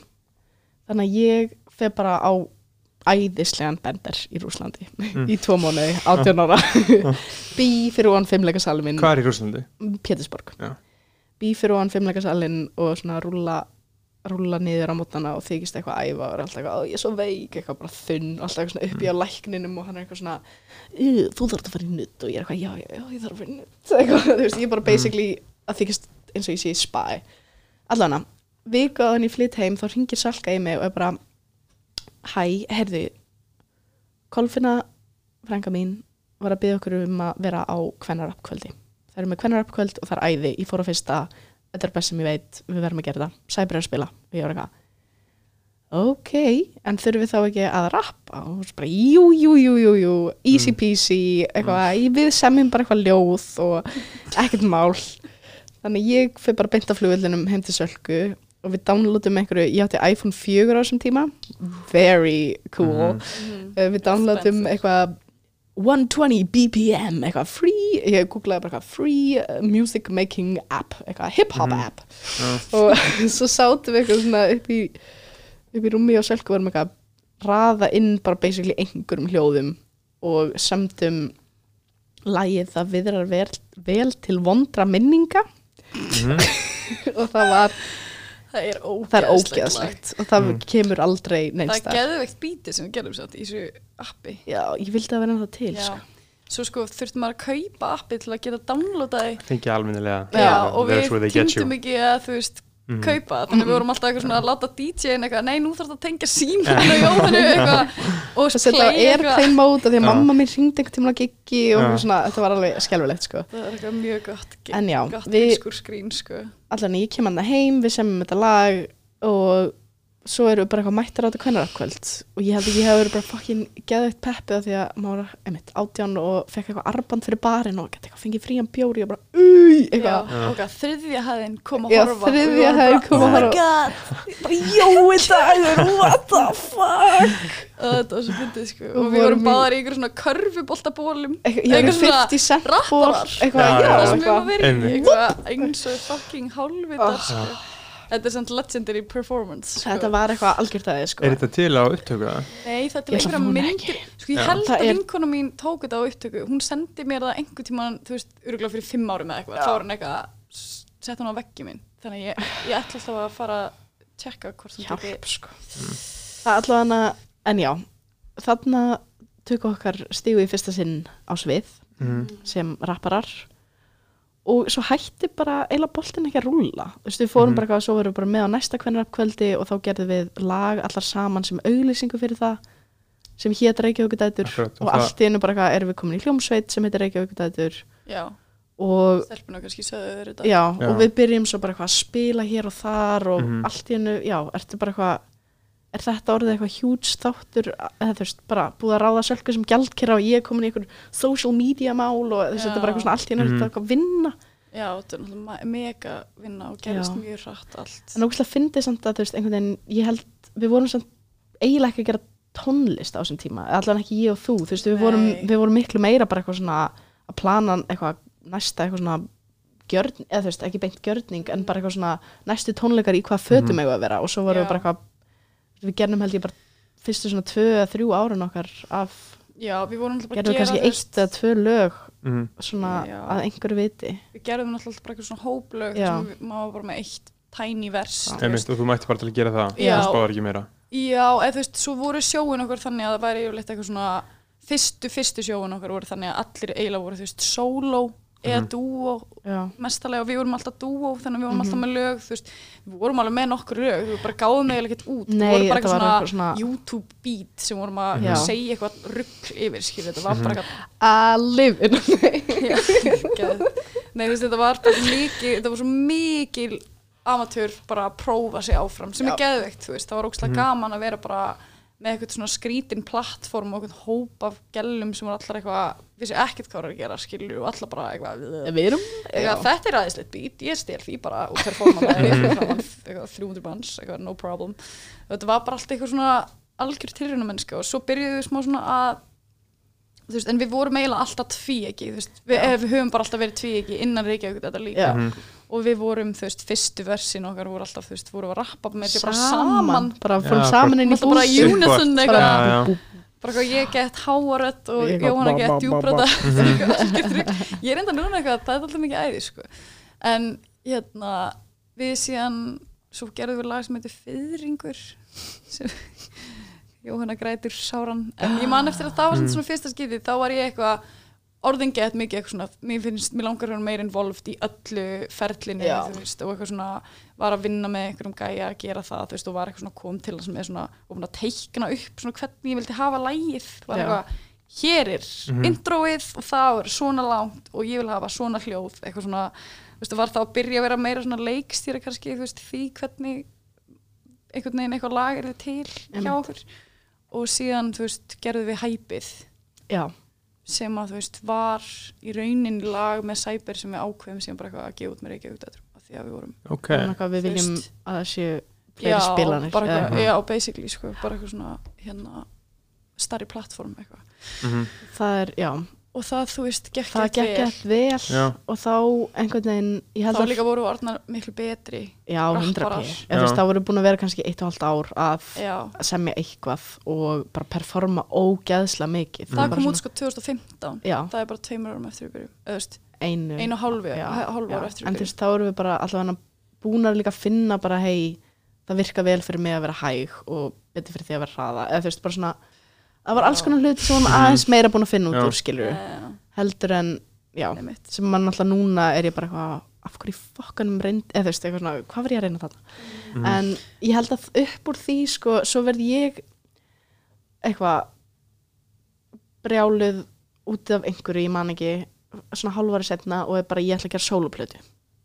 Og jú, nei. Og svo, nei, stepp á. Nei ég er að tala um, að um að rífast áttur bara nei, ég veit hvað ég er að segja. Ég uh, Nei, ég ætlaði sem sagt, ég var hann eitthvað þreytt á, ég man ekki, ég vildi bara eitthvað, mér langaði bara að vera ein í smá stund. Mhm. og ætlaði að gera plötu og var bara svona byrjaði að tala um hana og plana hana og ég var örgulega í fílu við þig þegar ég ákveði þetta. Já. og svo svona viku setna ertu eitthvað, hei, finnst þér leiðilegt ef að myndum bara gera þetta saman sem cyber? Já, já, og ég var eitthvað, nei það er alltaf læg, eitthvað, Mm. vissi alveg ég get ekki gert þetta ein, ég var skilur já, en Mm. þannig að þá einhvern veginn já, ég held að svona with the threat of me eitthvað svona, ég ætla að fara eitthvað annað skilur, Já. eitthvað, þá varst þá var ég eitthvað, oh shit ok, við þurfum að gera eitthvað uh, já. einmitt, þá Ég þurfti bara en ég held ég hafi bara, þú veist, þú varst að sinna Reykjavíkudættir um geðveitt mikið og Já. ég var smá komin annað ég var bara Já, svona byrjuð í myndlist og mér langaði, eða þú veist, á leiðin í myndlist og mér langaði Já. bara einhvern veginn ekki að vera lengur þarna Mhm. skilur og ég held ég hafi bara þurft aðtekli frá þér. Og ég var bara ég fer í burtu ég og þú er veist eitthvað. ok, Já. ég hef ekki bara getið saman í eitthvað. Jú, það er bara alltaf læg classic Jóhanna move Ég veit. sko. mhm, gildtrip með einhvern. Úps, en já, þannig að þá 2016 kemur út fyrsta smáskifan sem Cyber. Sem heitir Krapp. krapp. Já, og eru sjölög eftir allt mismunandi fólk. Já, þá- já, eiginlega allt mismundi próf, þú veist þá voru við eitthvað, nú ætlum ég að vinna með öllum sem ég finnst Spennandi, að, en sem er samt epic því þú veist, það Já. er lag eftir Russian Girls hana, og DJ Flugul og Gameskip já, Mhm. og þú veist TY, uh, Batta. Batta, já, það var alveg ekki gaman að gera þetta svo plötu sko, hún, var, hún er algjört rugg, en ég Mm. dýrk hennar sko, Hún það er er- ógstlega góður andi yfir henni fyrst mér hún er það, hún er líka svona þú veist, við heldum geðveikt að við verðum að gera mjög mainstream Já, ég- plötu. já. við vorum bara já bara, wow, dýrst pop Já. smellir eru þetta Og svo kemur er fokk líka bara þú veist lög er svo Mm. mávar sem er bara eina sem að meikar einhvern sens er bara förum út að mér það máva. Það er bara Mm. húkið í allir fokkin læginu og við vorum bara, lag sko. þetta er FM 957 Ja. banger. Ég held að mér sé farið í viðtala á F97 með og spila mávar, ég sko Mm. við allavega, ég held að við höfum ekkert mjög stúpid sko. Já, þannig að við gerðum bara óvart geðveikt experimental plötu mhm, og ég held að við höfum bara svona svolítið haldið, við erum alltaf að reyna að gera pop eða eitthvað meira mainstream. Mhm, en það geng, eða þú veist feilar ítrekkað það feilar ítrykka, eða þú veist við erum bara ekki þannig listamenn og, og um leið og ég held við sem bara að læra líka að verða það sko já, Mér Hvað- finnst platan sem við erum að gera núna, hún er mjög hún er mikið pop mhm, Já. Ég Og myndi hún er hún, er ekki, hún er ekki mainstream Nei, ok, ok. ég held að hún sé, Mhm. hún er mjög svona hún er algjört art pop svona þú veist Já, já, hún, það er eitthvað, Mhm. það er meira það er fleira fólk að fara að geta hlusta á þessa plötu heldur en já. til dæmis Boys eða Krab já Boys svo- var náttúrulega, já. Já, svo gerðum við Boys smáskifin á þremdögum Já, þau gáum okkur þrjáta gefa hún út og gáum hún út, þú veist, eina mínúti yfir miðnætti á áramótunum 2016-17 2016-17 Já. mhm, og hún var smá svona fólk var gett til í hana fannst mér. Þá var vorum líka aðeins meira pop við vorum að reyna, ég var bara nú fæ ég að ráða Já, alltaf þegar Jóhanna fara að ráða þá kom allir hittar þarna eitthvað, sko. ég, þegar ég færa þá er alltaf kemur eitthvað skrítið sull eitthvað svona Mhm. eitthvað mjög lonely sull. Eru þið oft uh, ósamlega Um, Með lög? Já, erum sko, mjög fyrir eitthvað ólíkan tónlist erum alveg ólík, eða þú veist, ekki alveg, en Nei, mjög, hlustum eftir ólíkum elementum. Já, og ég hlusta, svona í gegnum tím, tíðina hef ég hlusta á miklu meira af bara mainstream hiphopi og trappi og, Já. já, heldur en Salka sem hefur kannski verið að hlusta meira á bara artpop og, eða þú veist, experimental hiphop, Já, ég hlusta mjög mikið á hiphop meira, en meira veist- kannski já, meira Ég hlusta samt ekki á, þú veist Tyler, meira, Já, já, þú veist, til dæmis En þú veist, ég hlusta mjög mikið á hiphop Ég hlusta algjörlega, eiginlega ég er mest á ekki, hiphop. þú veist, Mhm. ég, var, ég er ekki að taka það af þér, skilur Ég vil bara koma því á Já. Ég hlusta mjög mikið á hiphop En ég, þú veist, sko mér Já, ég veit ekki, ég hef samt alltaf fílað Það hefur eiginlega alltaf verið smá svona Það sem gerir cyber að cyber er hvað við erum Þú veist, við að reyna að kompromæsa, finna eitthvað svona milliveg á milli þess sem Mhm. við fílum sko. þú veist sem er og þú veist mér finnst það sérstaklega að vera að gerast meira kannski núna Mhm. plötunni sem við erum að, við erum að gefa út plötu 7. ágúst uh, já, Mhm. klukkutíminni viðtalið eru bara alveg rétt, hvað voru aftur að gera, Einmitt, já, sem Já, heitir Vacation þannig að þú veist hún er Mhm.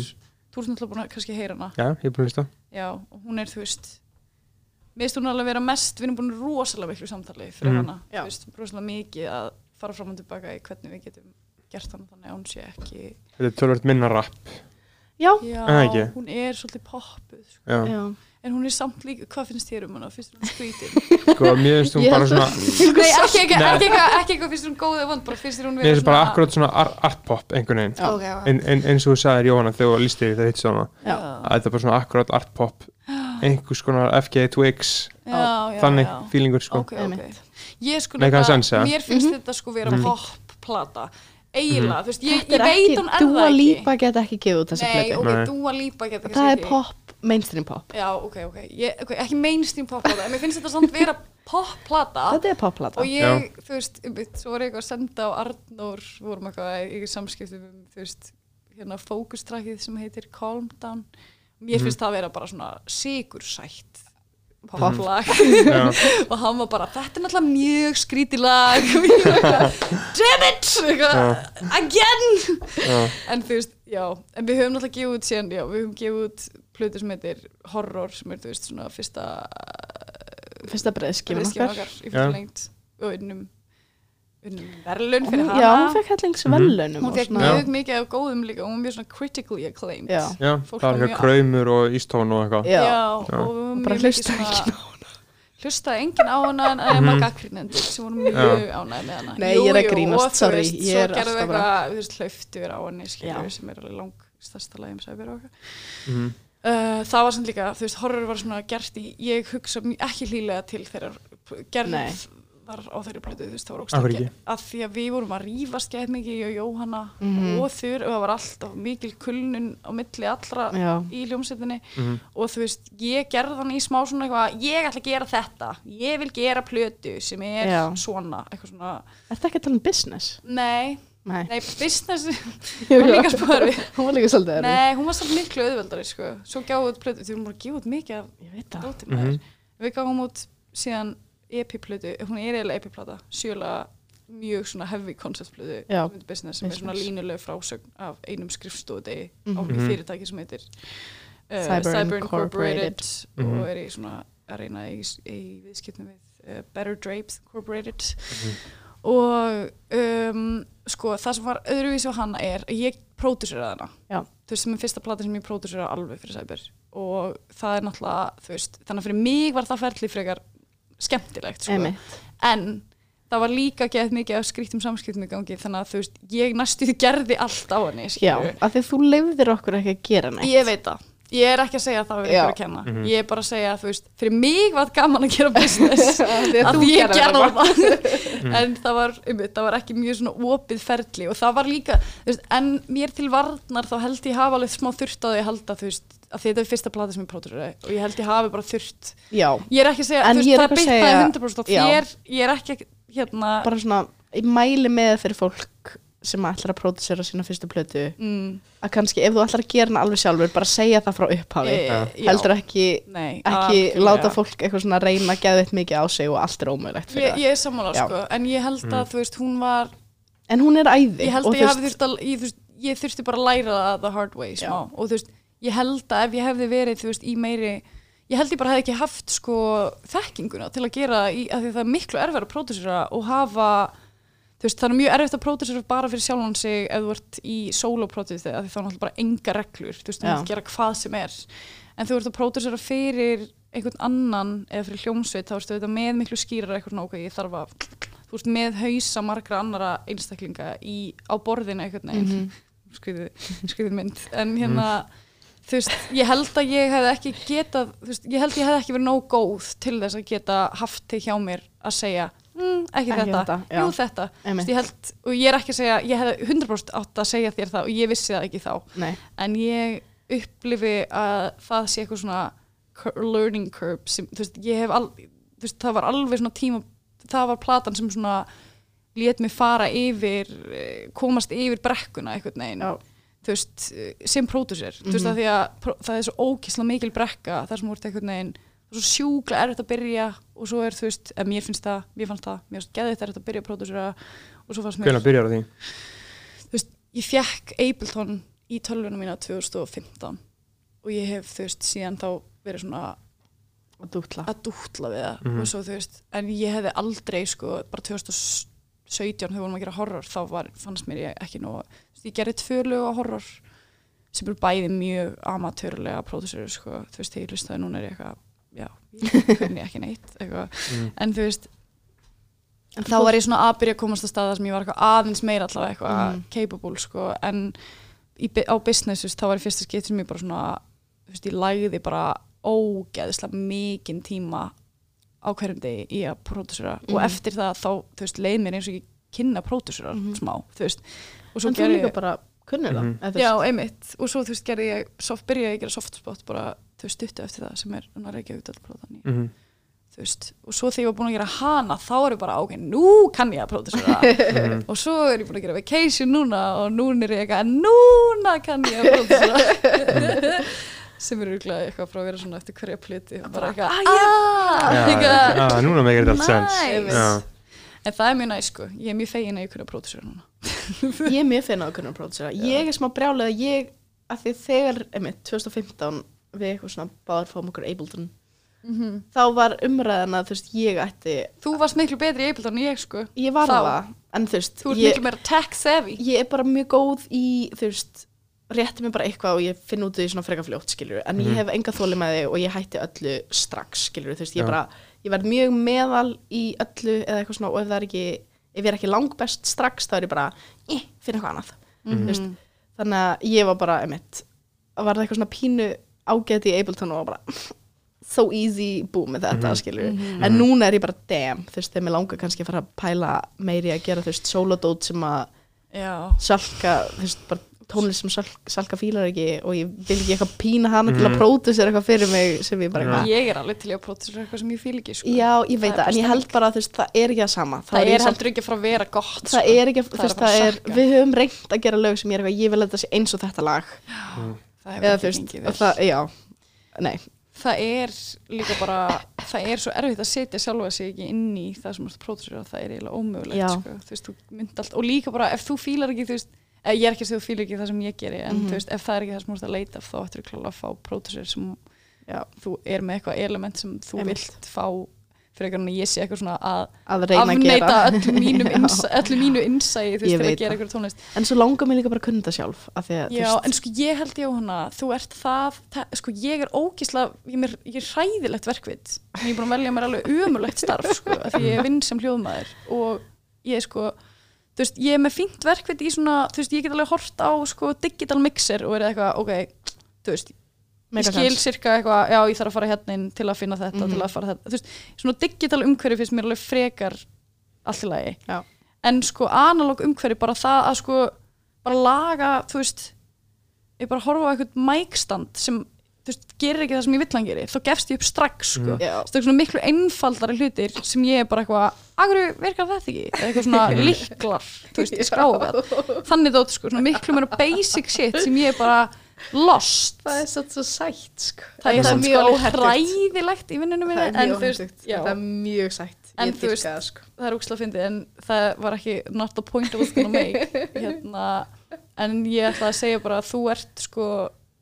hundra sinnum meira þú veist, þú ert miklu betri að horfa á eitthvað svona Já. þú veist, og vera bara, já, þú veist, þetta ég skil að Mhm. 1 pluss 1 eru 2 og þetta, eða þú veist, Já. þú bara auðvöldra með að mappa það, skilur og þetta er mjög, já, við höfum rætt þetta frekar mikið, því, þú veist, svo er ég þú núna búin að vera í einhverju svona alltaf einhverju akademísku umhverju og ég, og þú veist, ég, eina sem ég hef alltaf átt gett auðvöld með er að skrifa. Já, og ég er ekki að gera neitt. Einmitt. Þú veist, jú, jú, ég er rappari. En, það er eitthvað en þú veist, svo, svo fyndið að, það er svo fyndið að velja sér starf sem svona kemur svo innilega ónáttúrulega sko. Mm. En ég held, já Máli er bara, oh, ég Þú vildi. Ég vildi svo mikið að ég hef myndi bara vakna einn daginn og vita hvað ég vil gera að ég er svo óákveðin og þegar þetta hljómar ógeðslega braggy en þú veist, þegar allt kemur bara svona freka náttúrulega Mhm. þú veist, ég er ekki að segja sé, þú veist, ég er ekkert ógeðslega góð í öllu en ég skil svona grunninn í flestu auðvitað með að koma inn í hlutina ég, já, og bara þú veist, og það meikar bara flest sens fyrir mér, ég bara, já, þetta, þetta, þetta bara Mhm. búf, Mhm. þannig að þegar einhvern veginn, þú getur valið allt Joker of all trades það, ekki Joker nei, Jack. það, Jack of Jack all of all trades. trades, master of none Já. that is og það er Ah. algjört, ég er líka tvíburi what a fucking coincidence sko. Mhm. en næst Nei. fyrir í það það var endalust um eitthvað. Stjórnumerki nei, en ég er bara þú veist, þetta er þetta er held ég bara svona mitt stæðst stæðst hjalli í lífinu er bara ég get ekki ákveðið mig. Ég get bara, Mhm. þú veist ég, flest sem ég hef gert er annarkvort salka að taka ákveðinu fyrir mig mm. eða einhver annar að taka ákveðinu fyrir mig. En akkur þarftu ákveðið ég bara er svo hrætt um að vera allt í hennu vakna 35 og Er vera bara your scary age Nei, ok, sorry, jú, 35 Það er er alltaf scary læs. Já, ég er ekki svona vakna 35 og vera ekki búin að gera þú veist vita ennþá ekki hvað ég vil Já. þú veist, vera ennþá bara eitthvað svona eitthvað, já, ég er bara búin með eh, ég, þú veist, ég, potið með svona 5 bíagráðir viðbót skilur, en engu Mhm. nær því að vera eitthvað, ég veit hvað ég vil gera við líf mitt Mhm. þú veist, og ég, fyrir Já. mér er eitthvað svona, mér langar geðveikt mikið að eiga svona career path og mér langar Mm. geðveikt mikið að vera svona eitthvað stabilt umhverfi þú veist, og vera með skipulega daga Mhm. að ég funkar ekkert svo vel í öllum þessu, heiminum. og list, veist, líka bara listar óþálanda því að um leiðu ég vakna fyrir vinnuna því að bara svona heilu minn endalist bara já þetta var geðið sem skúltúr, þetta var geðið sem lag þetta var, þú veist, ég bara endalist að vinna mér langar bara í eitthvað sem ég get mætt klukkan átta Mhm. og verið búin klukkan fjögur og farið þá að gera eitthvað annað. Ég nenni ekki þessu endalösu svona millibils ástandi sem er að vera listamæður að þú ert alltaf að vinna þú ert alltaf út um allt og þú þarft einmitt að vera góður í öllu en samt verður aldrei einhvern veginn betri í einhverju einu þú ert alltaf svona puttan einhvern veginn. Mhm. og það er bara ég er að vera geðveika á þessu. Já. ég er bara að horfa á fólk fangrar mastersgráður segi, ég er, að, ég er að fara í mastersgráðu en ég er samt eitthvað, ég get alveg fara í einhverja aðra mastersgráðu þetta er ekkert eitthvað það eina sem ég vil í lífinu. En þú veist, að horfa fólk vera bara eitthvað svona búin að velja sér lagfræði og bara allt í herri, ég er bara hérna að læra til að vera mannréttinda domstóls lagfræðingur þá er ég bara, eitthvað, já, æði, þú ert að fara að hjálpa fólki. Hvað er ég að gera? Myndlist tónlist allir með drullu sama, ég er ekki eitthvað, ég veit ekki, ég með svona savior complexes líka með að vera eitthvað með langar að retta öllum Mm. af því að þá þarf ég ekki að retta sjálf mér. Ég held að það sé bara mjög eðlilegt. Sorry, þetta var rosalegt rámt Nei, Það ég um held að það sé bara mjög eðlilegt að vera þú veist, á þessum stað. Og ég held líka, þú veist, eins og ég er alveg eitthvað svona vinn núna, þú veist, í rauninni ég er náttúrulega ekki háskólamentuð þú veist, ég er yðnmentuð og er að vinna bara Já. þú veist, en svo er mitt ég er með króníska kompleksa yfir því að ég sé búin að velja mér starf sem ég þú veist, kannski bara hendi mér ekki, eða þú veist, ég Mm. fattur suma dagar ég bara, þetta er æði, þetta er besta sem ég hef gert skilur og bara negla, en stundum er ég bara geðt, þú veist hrættum að allur þessi tími sem ég er að eyða innan Mhm. geðsalapa í, þú veist vinnuna mína sé að fara að vera til einskis að því ég muni vilja velja mér eitthvað annað starf. Og líka, þú veist, og þá fæ ég líka bara, oh my god, ég er ekki búin að menta mig, þú veist. Nú er allir vinið mínir að fá bíagráðu mm Þú veist, ég er alveg búin að með feita bara eitthvað er ég að vera gett stúpid að fara ekki í háskóla á þessum aldri þú veist, og ætla einhvern veginn að byrja ætla ég að byrja að læra eitthvað því ég er þú veist mitt 35 ára uh, allir að hlusta á þetta lengur því að 35 eitthvað, Mhm. jú. Chill. Já. nei, þú veist, ég veit ekki alveg hvað minni svona scary age er en þú veist, ég fekk bara, ég er alveg oft líka, fæ oft eitthvað svona að er ég að, þú veist er ég að hérna svona limiting my options of, Já, of snemma Já. og, og mikið þú veist, og ég held alveg að öruglega öllum sem taka einhverja svona konkrétt ákvarðanir með starfsferilin sinni líði þannig á einhverjum tímabúti eða sem er eitthvað já, þú Já, ég veist. að- ég held að enginn sé bara, já, þetta er það sem ég vil gera. Já, Voða fáir, sko. Eh, þú veist, það gerir, já. Ég held enginn alveg sko. Nei. ég held að bara eiginlega að það gerist ekki. Þú veist, þú þarfst að vera með eitthvað svona þú veist Það og þurfa ef- bara að vera á nokkrum bara, ég veit ekki Nei, þú veist, ég er eitthvað að reyna að hugsa um einhverja, þú veist, mér dættu bara í hug eitthvað svona, bara eitthvað svona Alexandria Cortez eða eitthvað, hún veitur auðvitað hvað, eða þú veist, Mhm. hún alltaf er með mission, sko. Já, hún er á Já. missioni, skilur, þú Já. þarfst að vera á eitthvað svona hellað Já. stóru missioni til að vera bara með geðeginn eitthvað. En, en hún er samt ekkert endilega að fara að vera þinkona skiljið hvað meina? Hún gæti að vera hugsa, síðan ætla ég að fara í fjölmiðlu eða hvað sem er, skilju En ég var líka að fatta, þú veist, hún er með gett, það er gett að segja hún sem er mission, þú veist, hún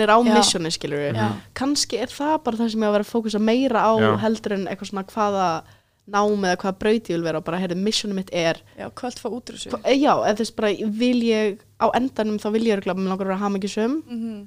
mér langar að hafa, þú veist, unnið í mannréttindamálum, bara verið rödd þar sem ég get verið rödd og hlusta þegar ég get hlusta, skilur Mhm. það er eitthvað sem ég þú veist, er mér mjög heitt, þannig að kannski bara ef að það er missionum mitt og þú veist, svo bara allt annað einhvern veginn sigsakkar í kringum það kannski, ó, vorum við að gera eitthvað er þetta eitthvað algjört life hacks, bara eitthvað svona að finna frekar mission Could heldur en be. starfsferil. Ég ætla að, þú veist, eins og ein ástæðan fyrir ég, þú veist, Já, ég er svo peppu núna, ég er bara eitthvað Mhm. haus minn er á miljónir eitthvað, ég verð að fá blað ég þarf að skrifa þetta niður, árið glemur sig Já, en Sorry. þú veist, nei, ég ætla bara að segja þú veist, að mjög stór ástæði fyrir að ég þú veist, nenni að gera það sem ég er að gera er eitthvað svona mission í að breyta ykkur um, þú veist, svona industry standard, skilju og eitthvað svona Mhm. vilja, þú veist bara rétta af einhverja þú veist eða bara basically vera eitthvað svona sínileg kona að Mhm. pródusera og að vinna í hljóði, þú veist og að einhvern veginn eh, gera það kannski þægilega fyrir aðrar konur að þú veist, að, þú veist og, og skapa eitthvað svona umhverfið þar sem að aðrar konur geta þú veist byrjað og ekki liðið eins og ef þú veist við erum ekki eða mikið um póstasyndrum alltaf og eitthvað og þú veist það er þú veist stærsta dreifi fyrir því ég hef lært að pródusera og mixa þú veist og gera allt er bara að mér líður þess að ég þurfa að gera allt sjálf að því annars verið diskreditið skilur Já. af því að ef að einhver guður Mhm. gera, gerir eitthvað af því þá mun ég ekki fá jafn mikið kredit og hann mun fá þú veist og eitthvað Mhm. þannig þannig að þú veist uppspretta, ég held svona drifkraft sé fólki oft allavega hjá mér, Mhm. er svo ógíslega oft eitthvað svona starra mission eða réttlætiskend eða eitthvað svona, Mhm. Þú veist, ég vil sanna fyrir sjálfur mér þetta Já. þú veist, en ekki endilega eitthvað hm, ég er góð í lögfræði eða þú veist, eitthvað sálfræði já, ég er góð í að tala, þú veist, ég held að þetta sé svo oft eitthvað svona einmitt, þú vilt sanna eitthvað fyrir þér eða sanna eitthvað fyrir einhverjum öðrum Einmitt. eða þú veist, einmitt, breyta einhverju þú veist, það er eitthvað sem að þú hefur orðið fyrir einhverju misrétti Mhm. og langar að einhvern veginn gera, leggja þetta mörgum til að rétta af þá Já. skekkju þú veist, og ég held að það sé úslega mikið sem að þú hefur lært, séð og upplifað og hefur að segja einhvern veginn Mhm. sem að Mhm. er mér kannski fínt að byrja að skoða áður nú ertu eitthvað hvað grein ég hái á ég að byrja eða þú veist, Mhm. algjörlega þetta, og þetta veit maður það skilur en á sama tíma er ég bara hvað og ég misti þráðin ja, nei, það fór bara svo margar leiðir til að Já. gera Mhm. eitt, eða þú veist, alla þessa hluti Og sko. þetta er líka bara gott merki að vera að pæla í þessu sko En ég að vera ekki að pæla í þessu true mm, Oh. ég er samt bara eitthvað nennir ég verður svo til að fá bara eitthvað svona ég potið með ADHD eða eitthvað, mér langar bara í smá greiningu til Mhm. að fá smá fókuslif bara þannig ég geti aðeins taktu Bara bara, spýtt það taka er smá það sama Mhm. ég er ekki að grínast sko. ég, veist, ekki taka spýtt en samt bara það er, það er sama Mhm. þú veist, ADHD lifir bara Já. spýtt Nei, ég væri bara til í að svona aðeins bara svona sjá, þú veist, nú er ég að benda hérna á my Bendi third eye og þú veist, ég væri til að bara svona aðeins bara svona klýra alla þókuna, sjá svona tíjar fram í tíman, Mhm. bara fá glimpsaði verið bara, ok, þú verður á lífi, það verður allt í læg með þig. Mm. og ég held að bara það, þú veist, bara svona hú, þá mun ég hafa bara svo miklu minna á okkur, bara ok, Mhm. ég er í gulum fötum. Greinlega er ég að fara að vera hamingisum að því hamingisum fólk er í gulum fötum, flott. Þú veist, ég væri bara svo geðveikt til í bara smá staðfestingu á að það verði alltaf læg með mig ég er alveg tilbúin að segja að það verði allt í lagi með Það mig, verður góðlega með sko ég er alveg tilbúin að votta fyrir það Mhm. ég er ekki ég er ekki alltaf svo viss sko þú en það er líka sko, bara því ég er lendir alltaf á fjórum fótum sko. þú ert mjög þú ert Mhm. mjög adaptable og Já. þú ert mjög þú veist, einmitt, þú ert sjúklega fljóta að læra Já. Þú ert- þú veist, það er bara og það er bara mjög gott að þú sért ekki búin að ákveða þig held ég, að þú ert bara það fjölhæf og ég held að það sé bara fínt að þú prófið þig áfram í eins mörgum hlutum og þetta er í hug. Ég held En að það sé bara þinn ég held að þetta bara frekar að líta á þetta sem þú veist, kostin sem þetta er. Og ég held að þinn stærsti galli er bara að skamma þig fyrir að vera fjölhæf þú veist, í staðin fyrir að embracea það. Ég held bara þú veist að því er kvíðin og á tímum þunglind að þá er þú veist ég heyri ert að segja en trúi ég því mm -hmm. ekkert Mhm. endilega skilur og það er, Mhm. þess vegna Já. er ég líka að segja ég verði svo til í að vita bara að vera hlæmi bara í smástund bara ekki Mhm. vera með svona konstant pressu bara þú þarfst að halda áfram að því að þú stoppar þá líður illa eða þú veist já, ég basically bara vil vita hvort að Ég lifi.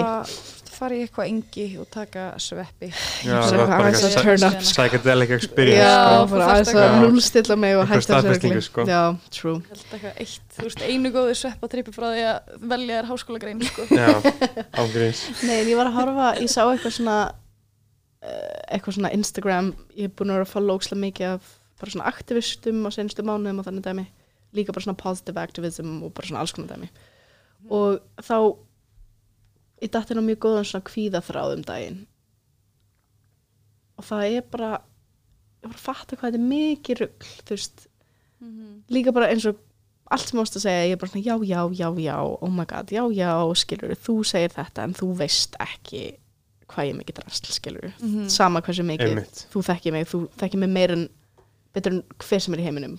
Og þú ert að segja Ég við veit alveg mig, hvað mikið drast sko. já, nei, en ég menna, veist, ég trú ekki þínum orðum, Já, ég þú veist, og að því ég trú ekki sjálfur mér, skilur Já. og það er, þetta er svo hættulegt. Og ég held að við séum svo ógislega mörg á þessum, þú veist, hvort sem það er kvíði eða þunglindi eða einhvers konar önnur geðröskun eða bara eitthvað, skilur ég held maður sé, Þessi hugmynd og þú sért alltaf að ljúga að öllum einhvern veginn. Já. Eða þú veist, eða að, að fólk sé ekki að sjá í gegnum það Já. að þú ert raunverulega Að ég alveg raunverulega- sökk, ég er, já, ég er sökkfest og fólk er bara eitthvað heimst að Mhm. því það sér það ekki eða er að hrósa mér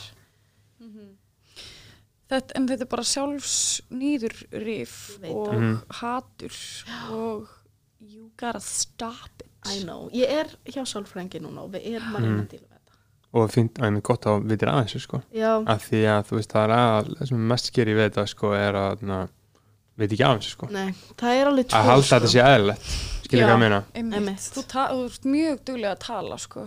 En ég er líka bara að því að ég fatt þetta mjög seint í lífið mínu, eða þess bara fyrir kannski þrem, fjórum árum, skilur Mhm. og ég held þegar ég lít tilbaka þá er ég bara, ég hef alltaf verið svona en það var bara engin umræða um akkurat kvíða eða Mhm. þunglindi í kringum mig Mhm. þannig ég var bara, ég held að allir verið svona og ég held að verðum öll bara að ljúa constantly, skilur Já. sem er, þú veist, eitthvað til í, eitthvað til í, Mhm. en þú veist ég, það, ég held að, einmitt, bara eftir ég kynntast þér þú bara, ég held að þú sést freka kvíðin og ég var bara, hvað er kvíði ég? Nei, aldrei. Og svo er ég bara, já, ok, skólabókadæmi, ég. Mhm. þannig að þú veist, þess vegna er ég líka bara alltaf að reyna að vera vókal. Sérstaklega ef við snertum á svona umræðu að vera bara, hei, ég er kvíðin, ég er þunglind, ég er og það, ennþá að díla við þetta. Og það er svo mikill munur á kvíða sko. Eins og til dæmis ég, 100p, sko. ég er ekki með þarna, ég er mjög svona ex, existential kvíða skilja.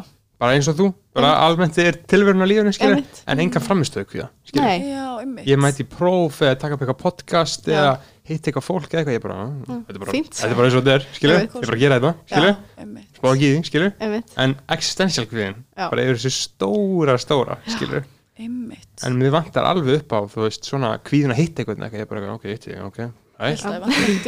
Já. nei, nei, ég held að verður En- fegin, sko. Já.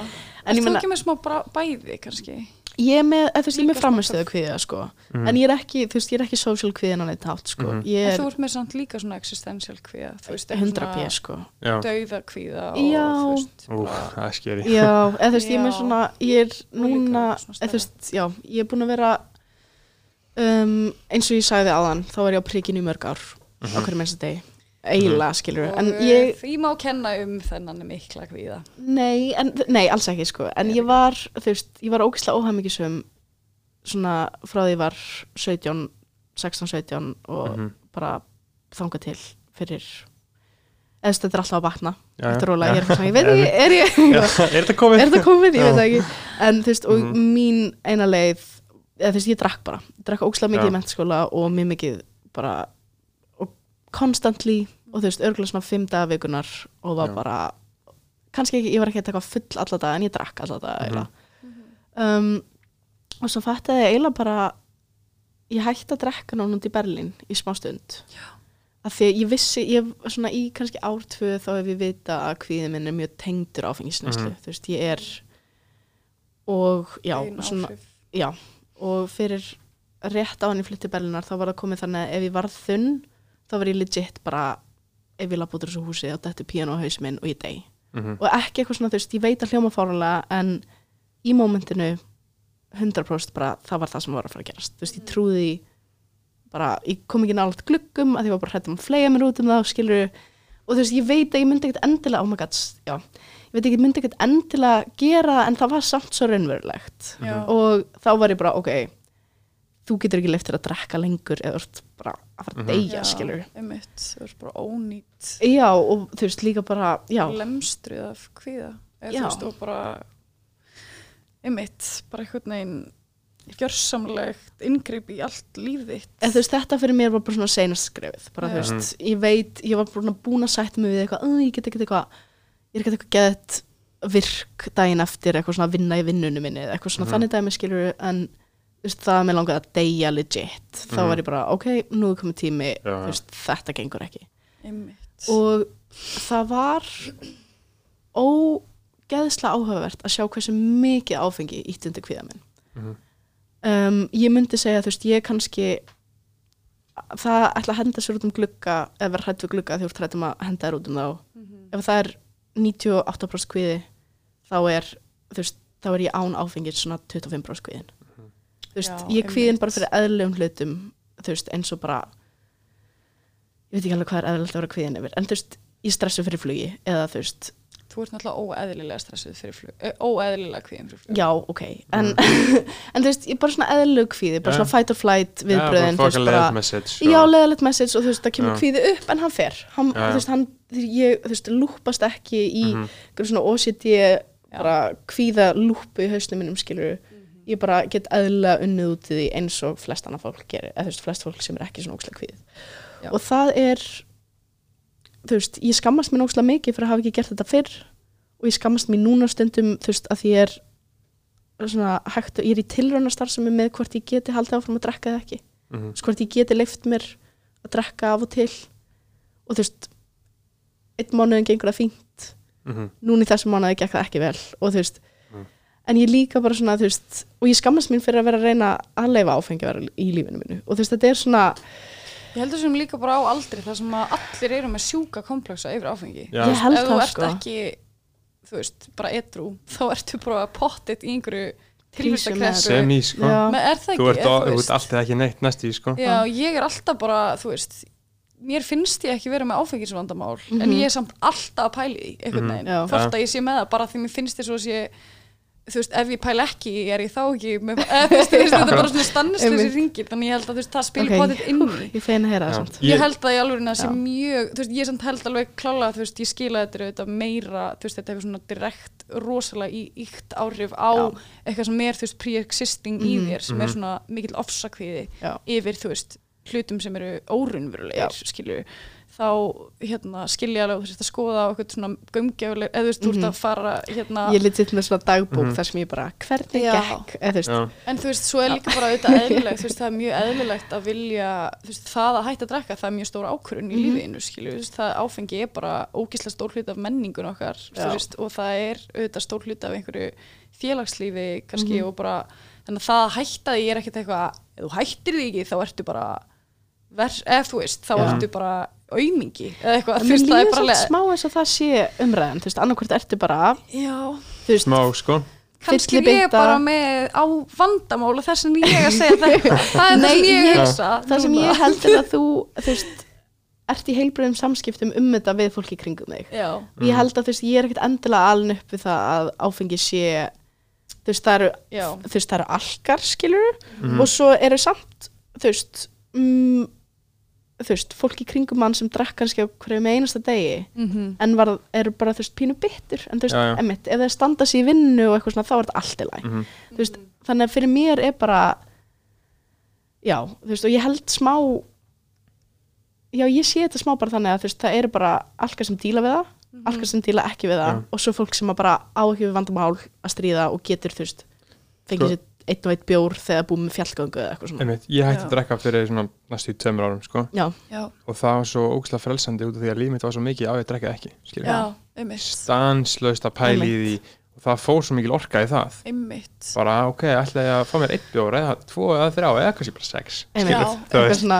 já, það, Já. það var alltaf það sko. Einmitt og eftir að ég tók bara ákvörðum bara alveg um hætta, Mhm. skilur, gaf bara út yfirlýsingu Já. skilur, bara þurfti að settur gera bara, nei, nei, eða bara svona let vita bara, jó, Já. þarna ég er að hætta að já, það er bara þetta staðan, skilur og þarna, eftir það, þá hefur þetta verið svo fucking epic, sko Já, bara- en, en, en ég passa mig mjög mikið í svona umræðum, Mhm. mm því ég er eitthvað hættur, skilur já, og ég var ekki við með eitthvað, var aldrei með eitthvað vandamál. Nei. þetta var bara, bara svona kvíð. Já. og bara, bara vel þunglítur daginn eftir, einmitt en var aldrei svona alveg vandamál svona finnst mér oft Mhm. ég einhvern veginn ekki alveg þóra að tjá mig alveg um það út af því það- kannski var einhver með alveg vandamál skilur já. en svo er það bara þín vandamál fyrir þér er jafn alvarleg og mín vandamál fyrir mér. Einmitt, ég er svona, þú veist, í þessum umræðum vil ég minna á að, þú veist, ég er líka bara fegin að heyra það, skilur, ég er bara, mm ok, og, og hvernig hættir þú, þú veist, tókst Já. bara cold turkey eða fórst í meðferð, þú veist. Já, nei ég tók sko bara í smátt og smátt, bara tók svona mm, eitt ár það sem ég var alltaf bara svona prófum áfram Já. en það er fokkin stressandi að mæta eitthvað eitthvað partí þú ert bara búin að vera alla þína mennskóla göngu og eldri ár Já. bara mæta bara að drekka fjóra bjóra drekkið í kjark til að geta mætt skilur, Já, nákvæmlega. alltaf að vera smá tipsi til þess að geta mætt í partí skilur og ég bara, reynda að tengja ekki við það, sko Þú ert náttúrulega social butterfly já, ok, per excellence, sorry, sko. og, þarna, og bara allt sem hún gerðir Já. snýðast áfengi skilur, Já. Já. bara eiginlega allt sko. Í bæ, fara í partí fara í einhver afmæli, hvað sem það var sko, þá var maður alltaf að drekka og ég byrjaði bara smátt og smátt að prófa áfram skilur. mhm, bara svona tók aðra hvora helgi það sem ég prófaði, já, þetta er bara bíl og síðan einhvern veginn var það bara meira næs já, að vera ekki að drekka. Einmitt. Þó það, þú veist, ofta alveg stundu svona, "Ú, þetta er bara næs bara eitthvað. Já, já, já, þú veist. Að þetta, náttúrulega, lífið væri fokkin boring að vera ekki áfengi, sko. Já, sko, ég, um mitt, ég er alveg, mér finnst vera, þú veist, geðveikt gaman að drekka í, þú veist, mér finnst sjúklega gaman að klára vinna, fara heim til mín, fá mér eitt bjór, Mhm. Já. bara fyrir svo, mér finnst það geðveikt. Þú veist, það er svona, Horfa þátt og vera Mhm. bara eitthvað slaka, fá mér eitt bjór. Og ég er svona, ég, þú veist, líka eins og allir, um þetta okkar aldrei búin að vera oft bara eitthvað, æ, á ekki bara hætti Mhm. þú veist, að líka bara þegar þú byrjar að verða svona þunnur, skilur. Mhm. bara það er alveg Já. nógu mikið þú veist, þó þú sért ekki eitthvað súper kvíðin eða súper Já. þunglindur eftir að þú veist, en maður bara er náttúrulega vanvirkur Mhm. skilur, og ef þú ert eitthvað ég er frekar mikil vinnualki mér Já. finnst mjög erfitt að vera vanvirk kannski tvo daga næstu í þú veist, af því að ég eitthvað tók einum og mörg skot eða þú veist eitthvað, þá er maður eitthvað hvað er ég að forgangsra þessari yfir en já, Já. en svo finnst mér þú veist þegar ég næ að vera að nota áfengi meira, kannski bara til eitthvað svona meira bara til eitthvað svona að trýta edge af. njóta, já, þú veist líka bara eitthvað svona nota í eitthvað meira bara eins og kaupið er eitthvað næs að borða eða eitthvað, þú veist, að þú vilt Mhm. bara eitthvað svona vera góður við þig, þú veist. Já, af því að sko áfengi er svolítið mikið bara svona eins og bara eitthvað liðræði eða hjónaband, skilur þetta er svona mein galla kerfi, skilur þetta er the best we got skilur þú veist. Ok, ég er þetta var náttúrulega ásamála með hjónabandi sko, besta þetta er sem ég fullkomið. hef heilt Já. oh my god, I love it. Það er bara, Nei. það er bara enginn búin að finna út finna neitt betur upp, Betra, skilur þannig að Það bara er- eitthvað já. einmitt en mér finnst þetta vera bara, þú veist, einmitt mér finnst alveg vera líka mánaða munur á því hvort ég sé bara eitthvað nei, heyru þetta er Já. þetta er bara einmitt að valda mér kvíða og Mhm. va, einmitt, mér finnst ég vera vannvirkari og mér finnst ég vera og ég finna alveg að þú veist, ef ég er edru um, þú veist, í tvær, þrjár vikur eða eitthvað, þá líður mér þú veist, oft mjög vel Mhm. og mér finnst það gett næs en já, ég veit það ekki mér finnst alveg, mér finnst alveg frekar erfið til að fórna áfengi alveg sko. Já.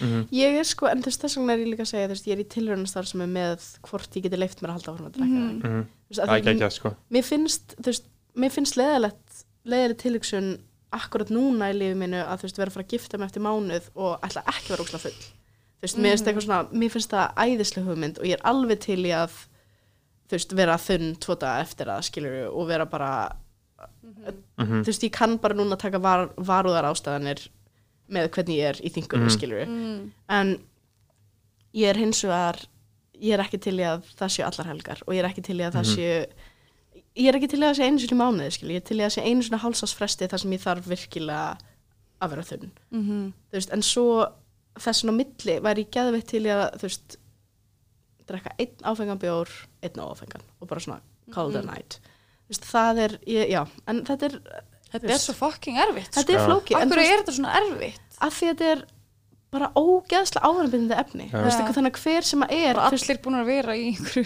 stríði já, við ég menna það er búið, þú veist, flestir, eða þú veist, að einhverju leiti, nema Já. bara og ég menna, þú veist, ef við erum að tala um þú veist, einhver svona uh, ég var að lesa svolítið mikið að listasögum daginn og það er bara flesti listamenn hafa dáið úr bara áfengisneslu og Já. öll svona muse, allar gellur allar svona, allar gellur öll muse, Mhm. eða þú veist, mjög mikið af eiginkonum og kæristum og einhverjum framhjóldum allar bara died from alcoholism Já. bara þú veist, Já, bara shit, sko.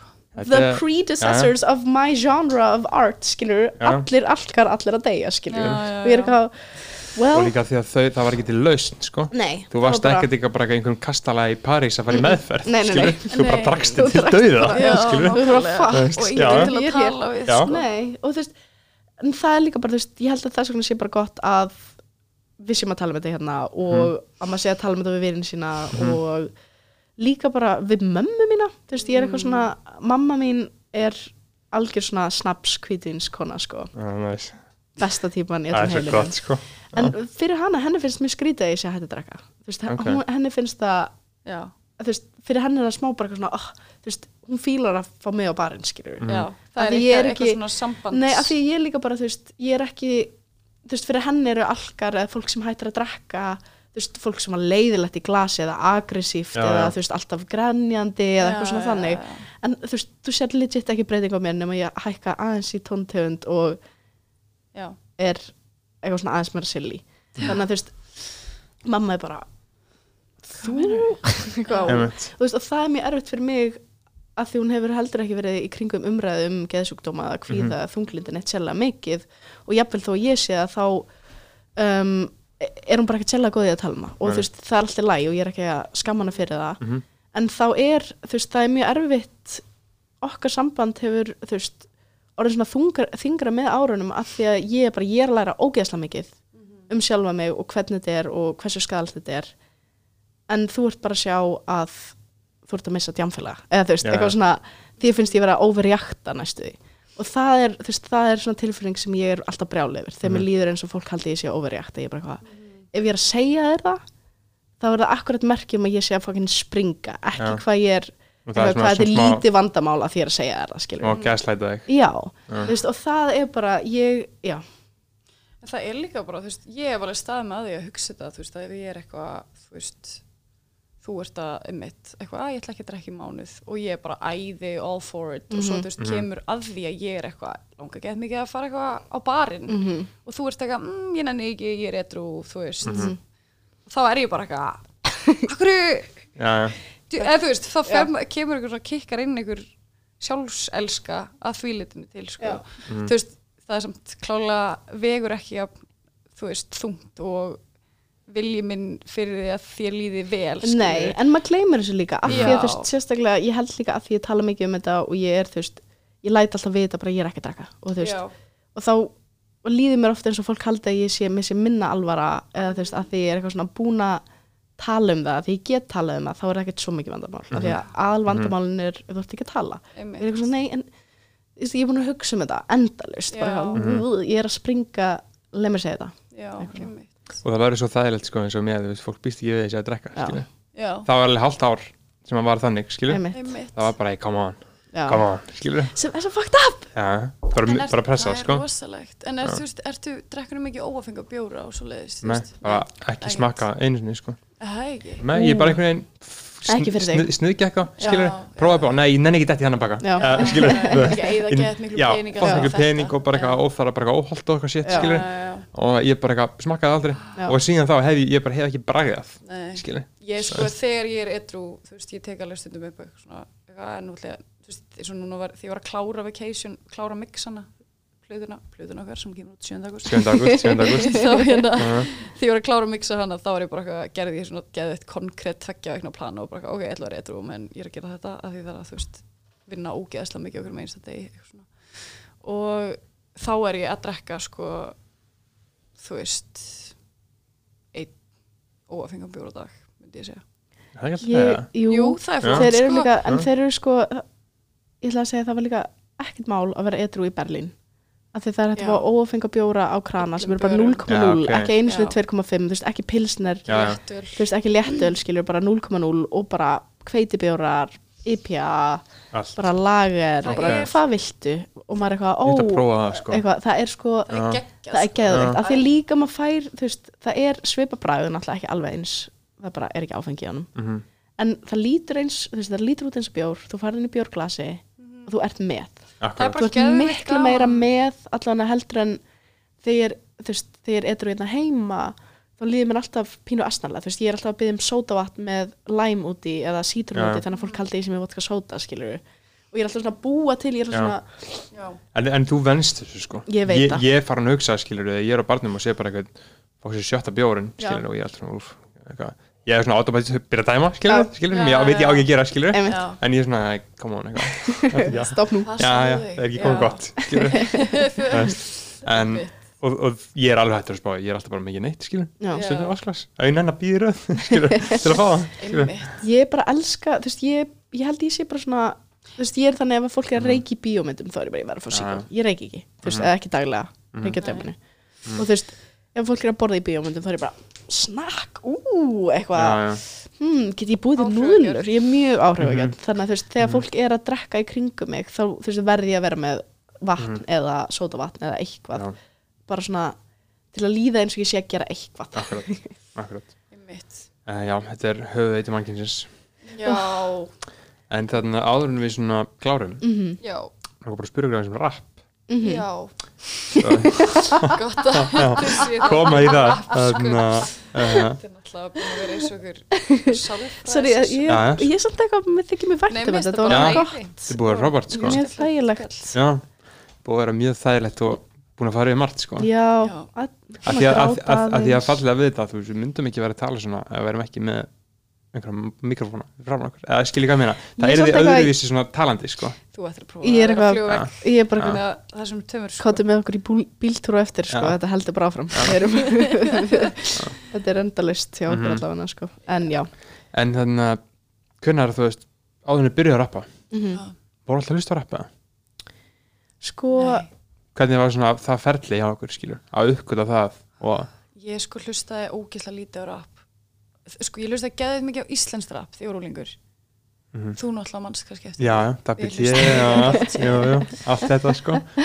Hérna það var eh, 2007 með sennu og allt það sko. Jú, jú, Já. jú. Fórst þú, fórst þú þegar vorum að það var voru tónleikar á gauknum með Dabba T Sko, og einhverjum, ég man ekki svona hverjum. Og það var eitthvað svona 13 ára aldurstafnur þegar Sko, ákveðum að fara. ég man að mér langaði ekki að mikið að fara en ég fór ekki. Já, ok, ok, ég kefti með það sko, fór og svo var bara eitthvað eventinn um þú veist, það hefur báttið bara eigandinn verið eitthvað hvað í fokkanum er í gangi Já. einhverju 12 ára stelpum í einhverju mínipilsum eitthvað, oh my god það var bara, við erum ekki að hleypa þessu fólki inn Nei. og þeir endið á eitthvað svona í staðin fyrir að vera með tónleikina þá voru þeir bara eitthvað að blasta plötinni, hann að óheflað málfar Mhm. í þú veist einhverjum einhverjum skýtnum gettoblaster á Ingolstorgi og selja plötuna já. Þú veist bara svo ok, geisladiskana. epic samt. Ég Mhm. kefti diskinn þar sko. Æði. signed copy. Varstu Mhm. sexy á því? Uh, já, já, mjög sexy. Eða samt eitthvað barr bara. En maður var, en ég var að reyna mitt allra reyna, besta. já. svo man ég týndi sko einhverju vinkonu minni, Bóel eða eitthvað sem var hérna ein, ein góð æsku skúsa og við vorum eitthvað að leita af henni og ég held ég var kallað svona yfir og mikið af fólki eitthvað hefur einhver þéðið stúlku með rauðbrún tár freknur 95 módel? Eitthvað svona. Og allar vinkunum mínu voru eitthvað Salka, hættu, hættu eitthvað. og svo voru ykkur gaurar eitthvað 95 og eitthvað, nýbúið að klippa þenn að nafla strengin Mm. ég man alltaf eftir að ég var eitthvað ég held að svona vinkunum mínu er aðeins meira eitthvað við ætlum að vera, reyna að vera eitthvað Aðeins passa eldri. inn, já, Já. ég eitthvað ég er ennþá barn. Mm. um, en já, ég hlustaði geðið mikið á þú veist, Íslands hip-hop eitthvað og bara, veist, sem var líka bara stemming og sena og eitthvað en ég er ekki, þú veist, ég var ekki eitthvað svona búin að vera eitthvað alinn á old school hip-hopi eða eitthvað, þú Nei. veist, frá því ég var lítil, þú veist, það var ekki stór, það var ekki hlustað að heima hjá mér, Nei. einhvern veginn og það var heldur ekki það sem var kannski gangi í útvarpinu þegar við byrjum Mhm. að vera, þú veist úlingar að hlusta á bara eitthvað vinsæla tónlist Einmitt. þú veist, við náttúrulega erum kannski úlingar á akkurat svona tíma þar sem er smá svona gap í Mhm. hip-hop, þú veist, Já, já.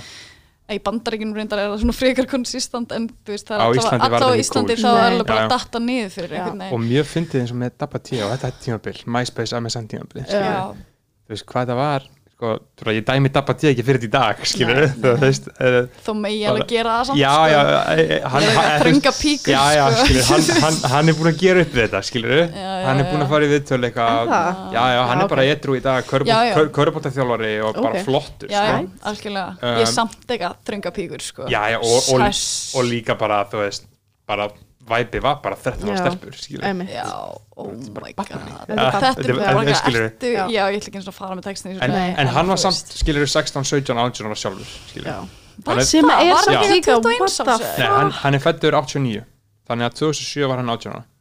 Ok, en hann er samt að tala um 14 ára stelpur skilur já, já, já, en þú veist, ég er, já, bara eitthvað ég, við erum bara að varpa þessu saman ég er ekki, ég er ekki það eitthvað við erum bara þú aðeins veist, að pæla Bergþór Já, þú veist, ég er bara, það er ekkert mann að fá hann í viðtal og spura út í það, sko. shit, Þú veist, Pæla, sko. sko. Je- Jesus.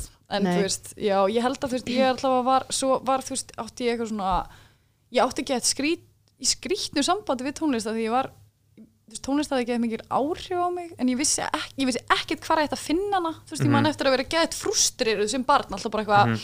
ég fíl ekki það sem er í útvarpinu en ég veit Já. ekkert hvað, þú veist, ég var alltaf svona gett eitthvað leiðileg við vinkunum eitthvað, þetta lag þökkar eitthvað svona yfir Mm. einhverjum lögum sem þú veist, voru Mhm. vinsæl og ég eitthvað ég fíla ekki þetta eitthvað svona, en svo var ég ekki með neitt þú veist, counter offer eitthvað Nei. síðan byrjaði ég bara eitthvað að hlusta á iPodin hans pappa, skilju og þannig byrjaði ég eitthvað svona að finna tónlist sem ég, þú veist, var eitthvað hm, þetta finnst mér skemmtilegt eitthvað Einmitt. og síðan var fyrsti kærastu minn svona fanatic þú veist uh, tónlista svona rock aðdándi basically Mm. og hann var sko með mig í þú veist sko svona pop, svona pop quizum alltaf því ég kom í heimsók þá var hann eitthvað, jæja, Já, hvað ár hætti þessi í þessar hljómsveit, ég eitthvað Ó. 1987 My lord. Vá. og þá bara fór það ég að er læra ógislega hot á Já. einhvern Ég veit það, sko, hot. ég er alltaf Ég bara, þetta er svo mikið æfi, okkur er ekki að gera þetta og hann var alltaf bara eitthvað, ertu búin að gera heima vinna þína? Þetta var, þetta var mjög hot Ú. doma samband, sko, í eftir ekki. yeah, ég er Um, eitthvað I like it Já, ég skal gefa númur hjá þeim síðast. Ég er, meir. I'm a married lady. Hérna, nei, og ég, þú veist, þá, þá var ég bara geðveikt obsessed yfir, þú veist, einhverju svona, basically einhverju svona klassísku rocki og eitthvað, mm því ég var bara eitthvað, já, ég þarf að læra alla söguna til að impressa þennan mann, eitthvað Mhm. og þú veist, það var bara geð gaman lærði geð mikið um, um alls konar tónlist og þú veist, og þaðan sprettur sín eitthvað meira en svo í rauninni var ég ekki þú veist, ég var átti enga fyrirmynd í einhvern veginn hiphopi og auðvitað eru líka bara, þú veist, konur lítið áberandi, reyndar líka í rocki þú veist, Já. ég þurfti alveg að vera eitthvað líka að geta svona aktíft leita Mhm. af þeim og eitthvað, en þú veist, ég man alveg já, þú veist um, ég man eftir að þegar ég var þú veist, síðan orðin úlingur og orðin eitthvað svona gaggrinari á það kannski Mhm. þá fór þú veist hip-hop í taugunum mér út af því að mér fannst svo lítill sýnilegi Mhm. Einmitt, þú veist, hvernig? hvanna uh, í svona setni bylgju, þú veist, þetta Mhm. kannski öðruvísi, aðeins öðruvísi í svona 90s senni, þú veist, í bandaríkunum og eitthvað en ég man að þá var það eitthvað svona smá aktífur rebelismi eitthvað Já, að vilja ekki taka þátt í eitthvað. En ég held sko að rúkslega fyndi að spyrja ykkur að þessu að því þetta var bara svona spurning sem maður fekk sérstaklega þegar maður byrja sem Reykjavík þetta og ég fæ bara svona smá tráma að hugsa um og þetta og svara þessu. ekki eitthvað, þú veist ekkert um hip-hop. nefndu fimm plöður sem hafði influence á þitt flæði og bara Oh my God. um, uh, held Eminem platan um. Missy eitthvað og svo bara Ice mm, Cube MWA það um, var sko gaur í alvörinu sem spurði mig einu svona eitthvað veistu hver Ice Cube er? Þú bara- og ég eitthvað Já, já, þú veist, maður var bara einmitt, ég var svo ég fór líka í, þú veist, klála svona mót, ég fór í sko sambandum mitt, fyrsta sambandum mitt domma popquiz mót þegar ég byrjaði að rappa því ég var bara, ég þarf að læra allt, eða þú veist, ekki Já. allt en ég var samt bara, ég las alveg Wikipedia síðan hjá mjög mikið af einhverjum rappurum sem Já. mér fannst ég þurfa að vita geða mikið um Mhm. að því mér fannst eins og ég var að þyrft að vera að koma úr einhverju þú veist, vera búin að vera allt mitt líf að hlusta á hiphop og líka, þú veist, til að meiga þú veist svo- því að er þetta líka bara, mér finnst svo oft gleymast hvað þetta er samt, þú veist þetta er, þetta er svo fáranlega þú veist, karlæg sena þetta er mjög það gleymist excluding þetta ekki í Nei, nei, rauninni. nei. þetta Nei, er nei. óslega excluding, þetta er aktivlí mjög sexist sena í, í orðræðu Einmitt. og í bara finnst það á Íslandi líka? Já, í dag, já, veist, ekki, í- í já, orðræðu? Já. já, var Eða þú náttúrulega þegar, klálega náttúrulega debattið og klálega, þú veist, En ég líka meina 2013 núna- þú veist, þá var það alveg ennþá Já. mjög hérna, gælur ennþá heitar og rétt fítugar og rétt þetta og eitthvað. Þú veist, það eru ennþá ekki sínar einn protagonist, það er ennþá þú veist, og ekki það, þú veist, auðvitað tölum við líka um einhvern veginn menn í okkar lögum og einhver Mhm. mm ástasambönd en það er samt á miklu einhvern veginn 100% sko. minni skala og miklu, eða þú veist, ég bara Ég finnst sko þú veist alveg orðræðan hafa breyst alls ekki það sama, Já. en ég er samt að segja hún má alveg bæta Já. sér ennþá meira skilur, það er alltaf læg og það, það fá mig svona til að hugsa uh, sorry, aðna, Mhm. svona hvort að rappararnir séu vandamálið eða hvort að þeir séu byrtingamenn samfélagsins Ég eins, eins og sé Sanax faraldurinn skilur sem var í gangi einmitt. Þú heyrði það í rappinu skilur Já.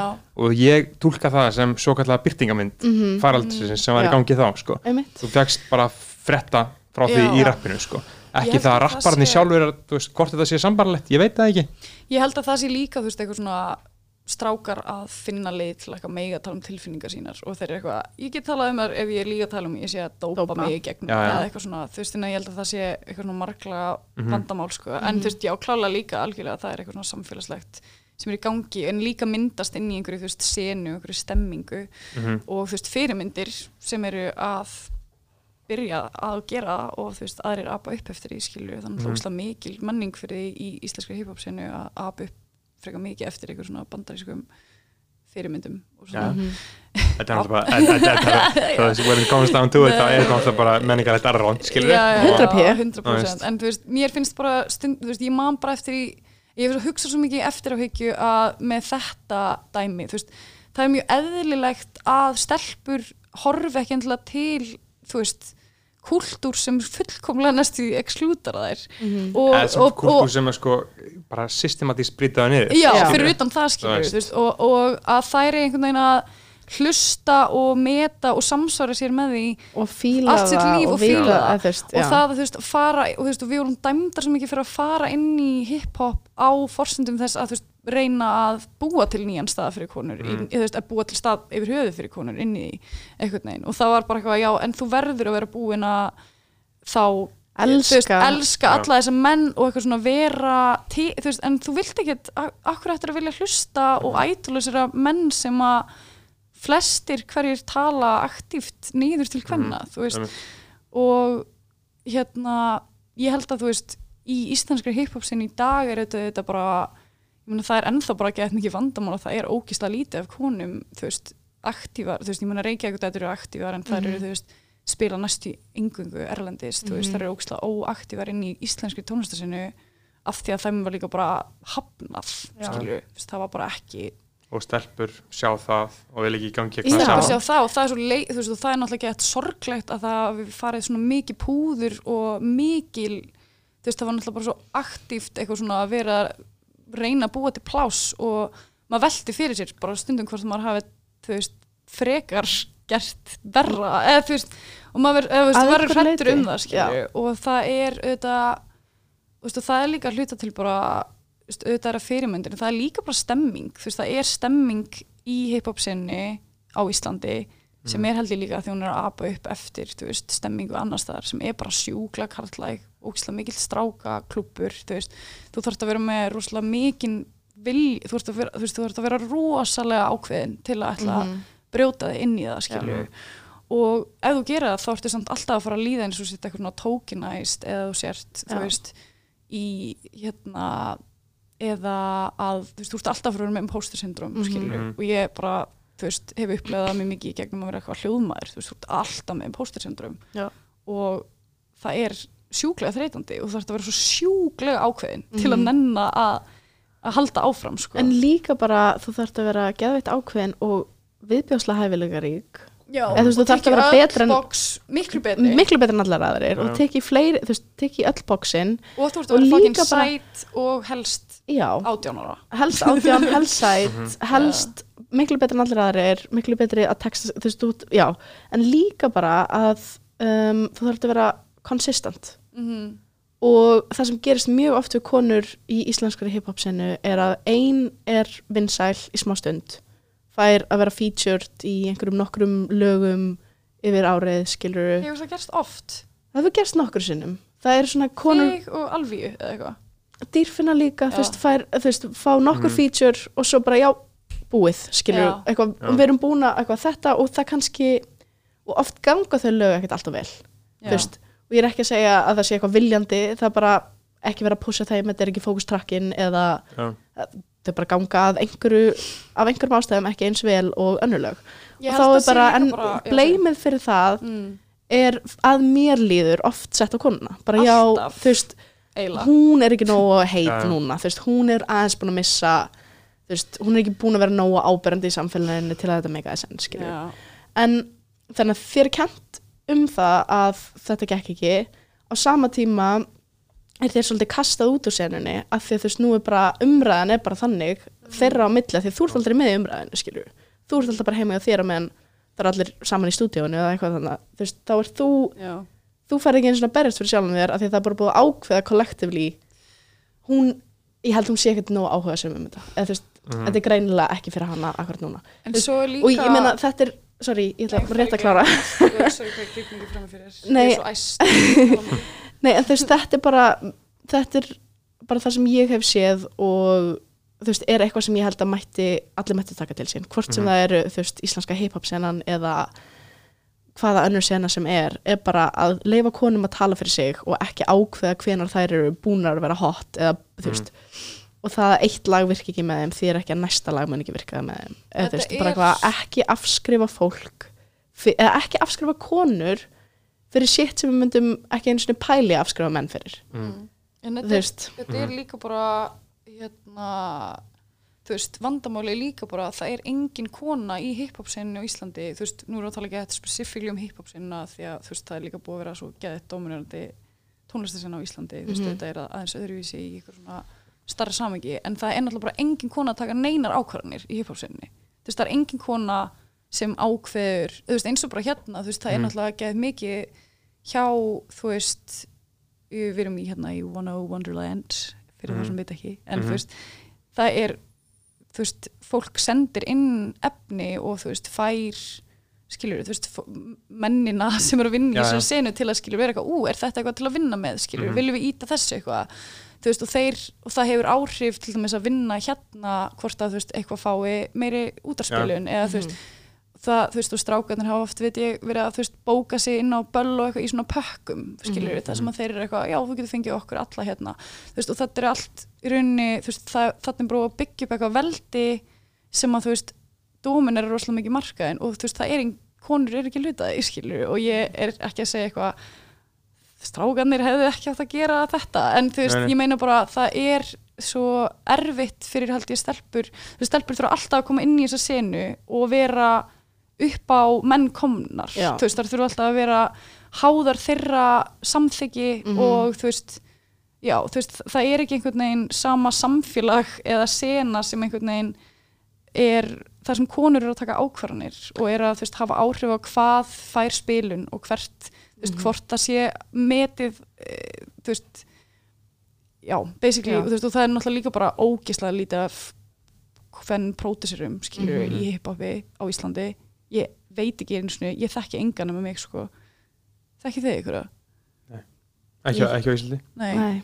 þú veist, það er bara fáránlegt frambóð, þú veist, sem er líka bara þýr að, þú veist, konur eru ekki að búa til tónlistina Mhm. sem þýrar eru, þú veist það er líka Mhm. ótrúlega mikil völd sem fylgja því að, þú veist, Einmitt. vera já, bara Að smíða bókstaf búa til Já. já. veist, en þetta er frábæð punktur sem ég hugsa í það er engin kona í valdastöðu nei, í Nei, skilur. þú veist, það er ekki það er engin kona sem að raunverulega ræður einhverju. Einmitt, þannig að þú veist, til að slá í gegn þá þarf alltaf einhvern veginn að vera pikkuð upp Já, af strákum akkurat, þú þarf kósænið þú Já. veist, og þú veist, það er svo hættulegt. En og það gerir er það svo- líka já, sorry, það gerir það líka verkum að þú veist við höfum heldur engan þú veist, við getum ekki kósan að næstu mannsku skilur, Mhm. Nei, við erum þú veist, okkar atkvæði skiptir ekki máli nei, nei þú veist, og það skiptir nú ein, einhverju auðvitað, máli að einhver skilurðu. leiti skilur já. en þú veist, það væri þá bara fyrir mína followers á Twitter eða Instagram skilur, næstu Mhm. því Mhm. og þú veist, en ég get ekki tekið það neitt lengra, þú veist, ég er ekki með þú veist ég vinn ekki hjá útvarstöð eða ég vinn ekki hjá Mhm. dagblaði eða ég vinn ekki hjá miðli sem ég get ítt Mhm. konum áfram eða Mhm. kósan af menn sem ég, mér finnst áhugaverðir en Mhm. líka vorum að tala um þetta með veist, að konur ger ekki tónlistina þegar konur pródúsera hip-hop þá er það, hljómar það alltaf öðruvísi heldur en þegar menn pródúsera hip-hop og ég, eða þú veist, Já. ekki, en þú veist, ég er bara smá að taka Nei, eða veist, ekkert, ég er eitthvað svona Það er náttúrulega kannski allavega en ertu að hugsa um eitthvað sérstaka ég bara hugsa um, þú veist, þig versus Þórir Já, Mr. Sir sem er góða vinn Mhm. okkar Já, já þú veist, Já. og auðvitað ert þú líka þú kemur bara frá öðrum bakgrunni og bla bla bla skilur Mhm. Mhm. en á sama tíma þú veist, það er ekki verið að búa til tónlist fyrir eiru hvenna, eða þú veist, innan svega innan gæsalappa þetta er ekki konur að búa til hljóð fyrir konur þetta eru menn að búa til hljóð fyrir konur og Já. ég held að mjög mikið af hvenna kultúr týnist og bara gets lost in translation Mhm. á því að menn sé að taka bæði hljóðlegar og líka bara þú veist hönnunarlegar þú veist, Já, bara öll stæðstu tískúsin menn. Já. þú veist, eða, já, þú veist hver, hver eru prósendunar á hlustun hjá okkur?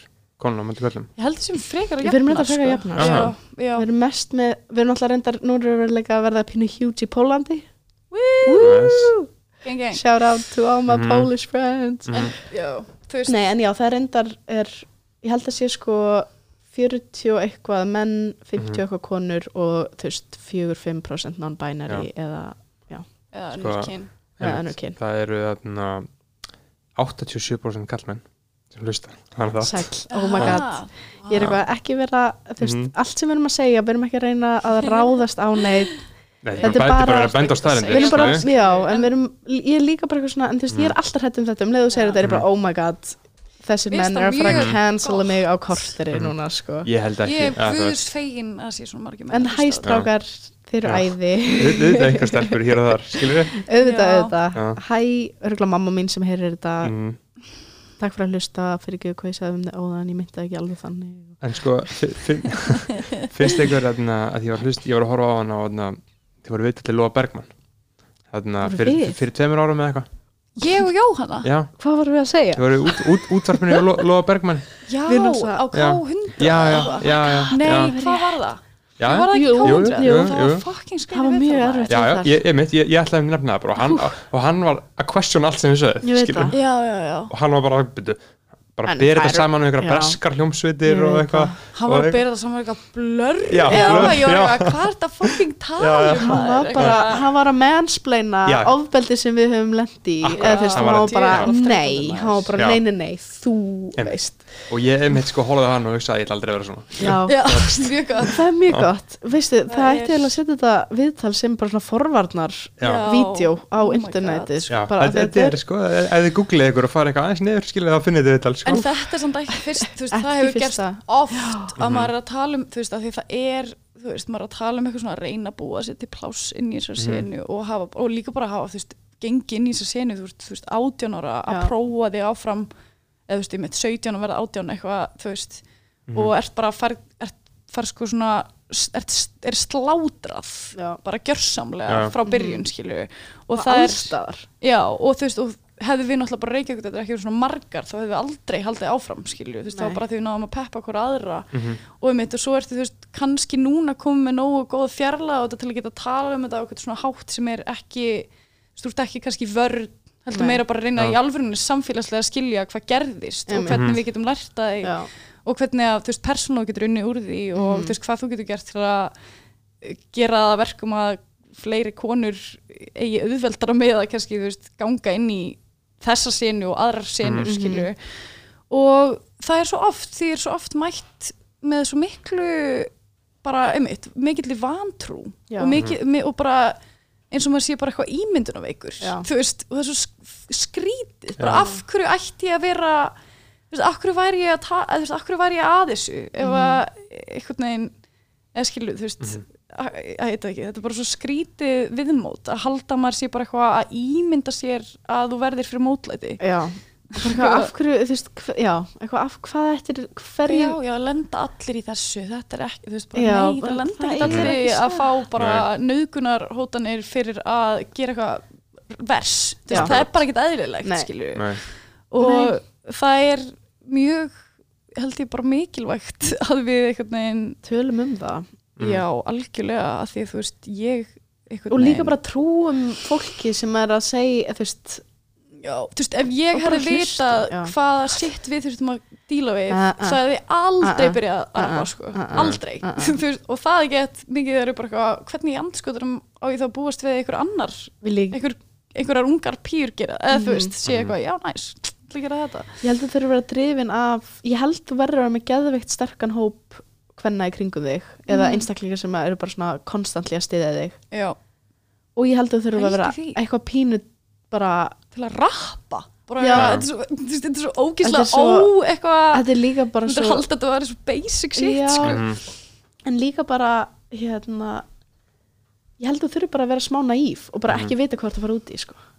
Já, ég er bara, eins og við, eins og, við eins og við vorum. Ég held að þú veist ég hefði, nei, hefði einhvern tímann sagt mér bara, já þér verður hótað. Þú verður bara svona publicly lífláti. lífláti, nöðgun þú veist. Þú bara svona publicly þarft að standa full úps, sorry. Alltaf að rífa sig hérna Mhm. út þú þarft að publicly standa þú veist full á bar með bara hóp af mönnum í kringum þig að questiona hvað þú getur og hver þú ert. Bara Bara- gaurar að bara púla upp bara og, púla upp Já. og bara skamma þig. Já. og bara, þú veist, pikka bara þú veist, og, láta já, líða illa þú veist, og bara, Einmitt. ekki einu sinni nei, nei, nei, er, þú veist, þú ert á hip-hop staðinum já, dag eftir dag, kvöld eftir kvöld stendur þú og verð tilveruna þina mhm, Mm. mér finnst ekkert skrítið að ég hafa verið fucking hella drunk all the time, Já, já. skilur og hella kvíðin og hella sko. kvíðin. En líka bara, þú veist, á Íslandi, Já. mér líður ennþá, þú veist, eins og á, að því mér líður alls ekki henni þegar, þú veist, Reykjavík þetta er að túra eða Sæberi, þú veist, er að spila erlendis, þú veist, þá líður mér ekki eins og að, þú veist, þá fer ég inn á svið og ég er spennt að uh, spila og ég er spennt að, ég geri ekki ráð fyrir að neitt, sem er neitt pre-notion um hvernig ég er, Mhm, sko, þegar ég er að spila með Reykjavík þetta eða Sæberi eða bara einhverjum á Íslandi, mhm. þá eiginlega alltaf gerir ég ráð fyrir að þegar ég lappin á svið séu að gera ráð fyrir að ég muni sökka Mm. og ég þurfa að sanna að svo sé ekki. Veist, og það er óþólandi að vera búin að vera að gera þetta í sjö ár og líða þú veist, Mhm. og þetta er það eitthvað betra veist, allt er að halda tónleikar eins og við vorum að halda í mengi um daginn eitthvað, það sem bara mest eitthvað fólk sem að hefur kannski hlustað á okkur og bara Já. eitthvað þú veist, en veist, við spilum í eigum fyrir tveimur árum eða eitthvað. Oh veist, og ég man bara, ég lappaði á þetta svið við vorum að spila húkaraballinu og ég var bara horfið á úlingana að vera bara what the fuck Það is er- this? bara Það ég er að treysti þeim ekki, Já. ég treysti þeim ekki fyrir að vera góðar.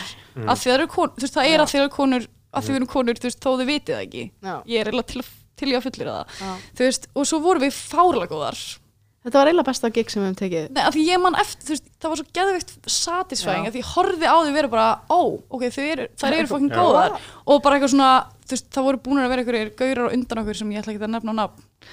En þú veist, sem voru búin að gefa út svona eitt lag, eitthvað, Mhm. sem líka mjög mikið eitthvað íslensk hip-hop sinna, það er eitthvað gaurir sem gefur út eitt lag og allir er eitthvað, hann til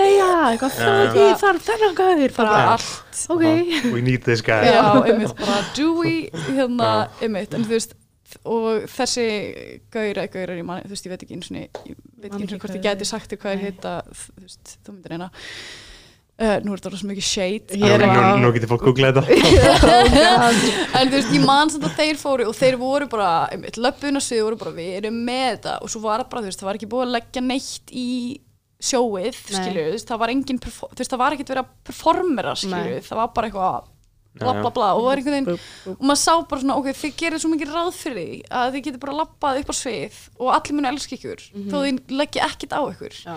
og ég var bara versus mín upplifun sem er bara, ég er búin að vera að gera þetta í svo langa tíma og samt Mhm. lappaði upp á svið og ég gerir ráð fyrir allir haldi ég sé að fara að feila Já. Mhm. og ég þarf að hugsa allan tíman Mhm. þú veist, ég, þú veist, ég þarf að vera bara ég ætla að taka pláss, ég ætla að taka pláss þau munu halda að þú vera hérna Mhm. og um, það var óksla gaman að fara síðan og sjá að bara, sjá ykkur úlinga bara, ó, ok, oh my god, það eru geðegar skilur Einmitt. og en það var bara svo um, að ég, ég bara Ah. hugsa svo mikið um Já. bara, Mhm. hvernig getur þetta verið reynsleihifur um hans ennþá, skilur Já. þú veist, já, En þú veist, hvað haldið að sé að uh, þetta er svo ótrúlega marglega flókið vandamál sem að bara leiðir 5000 ára aftur í tíman til mannkynsögunar og en einhvers svona byrtingamind í þessu rappdæmi í dag já. þú veist uh, og þetta er svona Já, bara, the weight Já. the weight on everybody's shoulders sko. og þú veist, þetta er bara svona kannski konur bara á flestum sviðum, skilur mm. eins og að ég myndi taka tíu gauðra sitt inn í herbyggi, spuru alla hverju uppáhaldsleikariðin skilur, Já. að það er ekki, að þessi king Já. hverju uppáhaldsleikonin um, ekki hugmynd. ekki hugmynd, skilur hefur ekki prófað það? Nei, ég bara, ég bara Já. hugsa mér sjálf Já, skilur ég sá Ég- það ég- sorry, á Facebook, það var einhver að setja bara hei, ég skor á alla menn að hugsa um konu sem er dástað Mhm. sem er ekki skildeim Já, eða vinkona þeirra. Já, og bara svona já, það var er- það er erfið að Mhm. mhm. sko. En þú veist, maður hugsa bara svona, maður reynir að hugsa að lausna með það, skilur Þú veist, hvað hva, hva er það, skilur að því ég hugsa bara um, bara um sjálf mig, bara ég sem bara kallmaður í valdastöðu, skilur Mhm. bara ég valdastöðu í umbóðsmennsku út, að gefa út Já. og miðlun, skilur já, Hva, Einmitt. hvað get ég gert, skilur ég er bara með völd á öllum þessum þreim stöðum. Já, og hef hingað til ekki nýtt það, skilur nei Al, held að- nei, neitt að viti, skilur en þú veist, hvað og maður alltaf að reyna að vera betur og betri, skilur einmitt.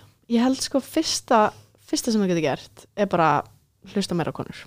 Mm já, og svo held ég að þú veist til dæmis ef þú færð ef þú getur tekið þér intern eða eitthvað konu, -hmm. bara kenna fleiri konum störfin sem úr því Já, og ég er ekki að segja eitthvað svona þú veist, að það eigi yfir höfuð að þurfa að kenna eitthvað, þú veist, það er ekki bara verið ráðuna strax inn í þína stöðu skilur eitthvað, Mhm. en bara ef þú hefur sjansin á því taka Mhm. frekar konu heldur en kall einmitt. og bara svona, ég held bara að búa til pláss fyrir konur Akkurat. án þess að vera eitthvað ég er að búa til pláss fyrir konur við erum að vilja Þú fá veist, okkar kredit fyrir það nei, bara Já. þú veist, on the down low bara Já. bjóða fleiri konum í þáttinn Mhm, bjóða, þú veist, bara spila fleiri konur mhm, vera vissum að þú sést að hlusta konunar í kringum þig Mhm. og ekki konunar í kringum þig bara fara inn á einhverja random eða þú veist, bara lesa einhverja random grein í fréttablaðinu bara þegar hún er eftir konu, bara eitthvað svona bara pröfa, einmitt. bara eitthvað svona Við veist ekki oft, þú veist, næsa bara reglulega með tónlist, þú veist, tjekka bara á, þú veist, ég reynir bara mjög aktíft að hlusta frekar jaft á konur og menn, Mhm. þú veist, og ef ég er bara eitthvað, að nú er ég búin að hlusta ókíslega mikið á gaura, þú veist, meiri segja ef ég er búin að vera eitthvað, já, að Já. þú veist, gera playlista og aktíft passa hann til 50-50 og eitthvað, Mhm. það er alveg næst að, þú veist, eins og ég, allavega eins og í hip-hopi, þú veist, maður þarf aktíft að leita af konum Já. sem að, þú veist, það er bara miklu minnaðum þannig að þú þarft að vera Mhm. þú veist, eða, þú þarft ekki að vera seeking auðvitað, þú veist, en það er bara ef þú ætlar eitthvað svona að um, þú veist, já, ef þið langar að vera komin á þannig stað, þú veist, kannski að hlusta bara frekar mikið, jafn mikið á kvennkins rappara og karlkins rappara, þá þú veist, þarftu aktivlí að gera það, skilju en, það er heimurinn er ekki fara að gera það fyrir þig nei, en það er samt sko við lífum sem sé jákvæð þróun í gangi í bandaríkjunum sko. Þú veist, Já. fyr, 100% fyrir þremur, þremur bara síðan þremur fjórum árum skilur, Já. þú veist, fyrir það var bara Nicki Minaj í Já. rauninni sko Einmitt. 100% og síðan kom sko. Cardi B og núna erum þú veist, ég hlusta mikið á Megan að og- fíla Rico Nasty mikið sko. Rico er náttúrulega. Megan Thee Stallion, Doja Cat Já. 070 Shake þetta er alveg it's, Flo Milli. sko, 100% Mhm. er þetta að fer batnandi. Og ég vildi óska að það væri mér líði aðeins meira þannig hér sko. Ég held að sé samt aðkoma. Ég er bara eitthvað, ég held ég, Ég alltaf að að segja bíða. þetta í miljón ár. Nei, en ég ég, að bara, ég er núna, er ég bara ég veit, það er einhver gæla að á hana þátt sem er að pródusera og er bara býti bara, býti bara þá til ég kem. Og þá verður Ja. það allan tvær. Veist, Já. ég er bara eitthvað svona, það er. já, og ég bara, ef að þú ert úlingskona eða ungkona eða bara kona yfir höfu sem langar að rappa eða byrja að rappa eða bara tala við mig um hip-hop þá er Mhm. síminn alltaf opinn Já. 899 8993 Já. please ringdu Please, í hringdu. mig Ja, og mig, mig líka Já, sko, bara- bara, anytime sko nei en bara þú veist Samt Já, í ég held bara í sko. alvörunni, þú veist, ef að bara einhverja spurningar, af því að ef ég get gert líf einhverja konu aðeins eðveldra í þessum bransa, bara ég skal Já. gera Mér langar sko, ég er búin að minn draumur er bara að finna eitthvað svona minions og bara þrönd, bara að fara í her, með þær í herbúðir. Herbúðir. en sko þú sem ég veit að gengur náttúrulega ekki. við kannski hendum hérna inn sorry, við erum ekki komin langt yfir tíma, I'm so það sorry er engin tími sko. ok, ok, en, hérna Salka var að opna stúdíó í Berlín Já. sem heitir Real Mhm. Surreal og er female run engineering, Ok, mixing og producing. Já. já. þeir eru þrjára eins og er Já, og verðið með starfsnema bráðum. Já. Og það, það, er eru bara, sko geðvikt mikið ekki alveg búin að sækjum. já, það er æði segja. en þetta, þú veist, ég meina ef ég tala fyrir þín hönd núna, eða þú veist, Já, gjör svo vel. bara að búa til pláss fyrir konur til að með að koma að þeir líka bara þegar maður fyrir stúdíó eiginlega alltaf engineerin venjulega er kall eða pródúserinn og uh, þú veist, og það er oftar en ekki aðri menn líka í stúdíónu að hanga og það er ógslag erfitt af því að það er líka bara, ok, ég er að fara yfir að frístæla eitthvað eða þú veist, bara svona að finna eitthvað grúf og bara eitthvað Já. aðeins að leggja einhverja laglínur þá er ég bara fokkin rauð í framann af því ég bara, Já. uh, ég get ekki, þú veist Mhm. þeir eru svo mikið að dæmi og ég er ekki fullkomin ég er ekki Beyoncé, kann ekki syngja, Mhm. þú veist, ég er ekki með the thing, skilur fyrir en bara, ég er búin að semja og það er komið næs Mhm. IQ á röddina mína, þú veist, og maður er bara þú veist, ég er svona oft með sár í lóan með að krista svo mikið að því ég er bara svona að reyna að einbytta mér að einhverju öðru heldur en Mhm. því sem að, þú veist, að ég sé að bregðast væntingum Þú ert svo manna. mikið imposter syndrom og um þú ert svo vunni að máta, þú veist, þú ert svo vunni allt, allt segir að það hvernig menn meti þig sé þitt vægi, skilju, þannig en að þú ert líka alltaf, eina gæla og svo ert alltaf eina kjallan. sem er bara, þú veist, þú verður að standa að því annars Já. fá ekki aðra gæla að koma ef að þú sökkar er leiðileg þá eru þeir ekkert að fara að leipa annar gæla inn, Já. skilur sem er náttúrulega martröð, sem er náttúrulega martröð, skilur að þau eru er- alltaf að vera geðveikt kurteis og fucking passa maður sér vel sofin og búin að borða og Allt. þú veist, eitthvað bara þetta er svo mikil Þetta er martröð í live sko. hljóðmennsku sko. Ég það er því. horror eða þú veist, þegar, þegar ég var að byrja og var bara stóðu mixerinn og ég sá svona fólk glappa inn og bara Kannt þú þetta? Já, Já. er bara þú, þú veist, það, er það gerir ráð fyrir býða það er svona hissa og það gerir ráð fyrir að þú ert að fara að feila og svo ef þú feilar þá er það óbærilegt. Já. þú veist, að því að þú veist, og þú veist, það feilar alltaf eitthvað. nánast alltaf eitthvað. Þú veist, það er bara endalaust bara tröp, þú veist, en ef þú ert í vinnu mitt það sem, að, sem snýst 90% um að vera sko, halda svona clarity bara ekki panika, þú veist, troubleshoota ekki panika. Og þú veist, ef þú ert með það á herðinum og eitthvað, ef ég feila og troubleshoota ekki nú hratt þá er ég að bregðast öllu hvern kynnu þá auðvitað ertu bara að fara að panika skilur, hvernig áttu ekki að panika ef það eru væntingarnar sem þú gerir til sjálfræðin þú veist, það er bara og þess vegna væntalega gera konur þetta ekki jafn mikið, þú veist, það, eru bara ég nenni þess ekki, Nei, af því að þú veist, Þetta er who óbærilegt. in their right mind myndi velja sér þetta Ég held þetta er náttúrulega masokist maður velur þetta ekki endilega. Þú veist, ég held Nei, að við ég- höfum lent í þessu svolítið og við erum svo bara eitthvað of þrjóskar til að færa ég er bara sko. of sko. ég er bara, bara ég þarf að gera þetta því að annars bara veit ekki hvað ég geri. Þú veist, ef ég sann ekki fyrir mér að ég geti gert þetta þá, veit, þá get ég ekki fyrirgefið sjálfur mér en ég er sko úrvinda Mhm. ég veit ekki hvort þið heyrið það á þessu við ég er úrvinda á því að vera í karlægum senum sko, mér finnst Já. það óþólandi þú veist, ég er Mhm. svo til í að bara þú veist, þess vegna líka var ég bara í COVID eitthvað, nú fer ég bara í háskólan og læri bara eitthvað næs. hekl sko. Já, bara gera fæ mér game hund og bara verða ólétt að tvíburum bara, ég nenni þess ekki sko, bara forget about this. Ég er svona, já. En já, allt Þetta er- kemur fyrir ekki. Ég Nei. hef búin að opna nýtt stúdíó.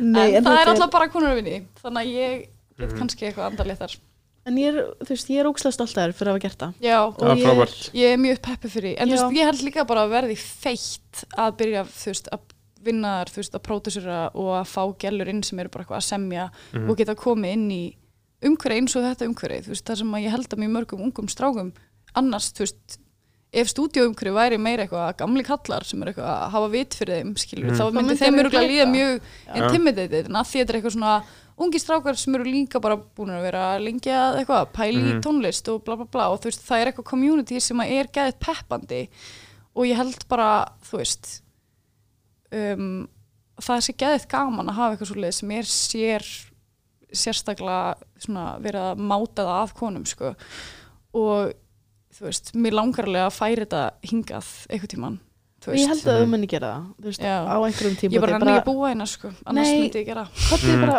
ég er með, ég er með sko samvinskupið ég er búin að vera með smá samvinskupið yfir að vera ekki að opna þetta hér af því ég er veistu, eitthvað þetta þetta þarf svo myndi mikið en en þetta myndi ekki virka hérna. Af hverju ekki? Af því ég held að séu bara ekki ekki það er bara ekki nóg mikil business fyrir þig. Right about now, þú veist, Já. býttu nokkur ár bara leifum aðeins þessum shitstorm að Mhm. leiða sko, yfir. ég með sko krampa í hérna magaðunum ég er búin að vera svo æst. Í þessum samræðum. Ég er að dreipast Já. ég er eitthvað það komur í betra form. Eins og Mm. talaði um eitthvað sem Ah. fór harspirir og brjóssuða þetta er aldurinn Þetta er aldurinn. Mm. bara, 25 ég er kannski bara svona áður en mér líður eins og erum við að fara að klára þetta núna Ég held. já, Já, já, ég held það- að það komið. að er eitthvað- það er komið sko. og það. Já, já, Búin að, já. Já, þetta eru 2 klukkutímar og 20 mínútur sko oh my god Já, já. oh my þú var að skipta þessi í tvo þætti Uh, ég held að ég nái að hafa þetta sko ég sé, ég sé til ég alveg, hef alveg hlust á fílalagsþættir sem eru það má líka alveg klippa út eitthvað shit já, ég bara, þú veist, það máleg skilur Já. ég mun ekki Nenni mun ekki ég- nenni sko. Nei, en ég ætla bara að segja, held ég í lokin, ég ætla að segja Mhm. bæði takk fyrir þessar samræður og þetta Já. er búið að vera gett þú veist, eins mikið vorum að tala um að það er, eða þú veist, mér líður mjög örugri í þessu umhverfi Mhm, og Mhm. þetta er búið að vera mjög þægilegt svona safe space til að tala mhm. algjörlega og gott að vita já, og ég held að bara allir sem er að hlusta líka mikilvægt fyrir þau Mhm, þá og þær að heyra og þau og hán mhm, að heyra að um, við erum ekki í meðvirkni að segja þessa hluti, ég held að þetta sé allt bara frekar einlegt af okkur mhm. Mhm. og eins mikið og við erum búin að seita og sitta okkar fólk við erum ekki búin að vera að gera það sko. ekki, Nei. ok, pínu við en þú veist, setjum okkur einn eitthvað já, ok og húkar en að ég er ballinu samt bara og, og bara einhver kerfi já, já, Já. það geta alveg Já. fyrir ekki Ok, ok. það sko já. en ég er bara eitthvað, já það er, það þarf að sitta okkar til að minna mann á að þetta er ekki Mhm. lægi Mhm. já, algjörlega. Ég segi bara takk fyrir okkur. Erum við ekki að fara að spila síðan einhver lög? Og að segja eitthvað um lögin? Jú, auðvitað, við erum spilaði í lokin. Þannig að að að ég baði ykkur um að koma með uh, besta rappla all tíma. Já, þetta er það var erfiðasta sem ég í lífið minni þurft að byrja að hugsa um. Já, ég var bara, nei, ég get ekki eins og hugsað um Ég það læt, ég læt þau rúlla í enda þáttarins. Að en ég kannski, ég ekki bara já, ég valdi lægið Morrow með, Morrow um, Seven og Shake. með O7 og Shake okay. ég, En þú Selga Sko ég eiginlega, ég er mjög komplexur af því ég veit ekki alveg hvort ég velja eitthvað svona svolítið út frá þú veist svona production Mhm. pælingum eða hvort það bara meira eitthvað svona vibe, ja. nice eitthvað manneskja sem ég fíla ekki eitthvað mikið ég er mjög puzzled sko ég held samt, ég ætla bara uh, mm, ég held ég ætla að setja á un unemployment eftir tíru og ekk æði, ég mm. ætla bara að gera það Já.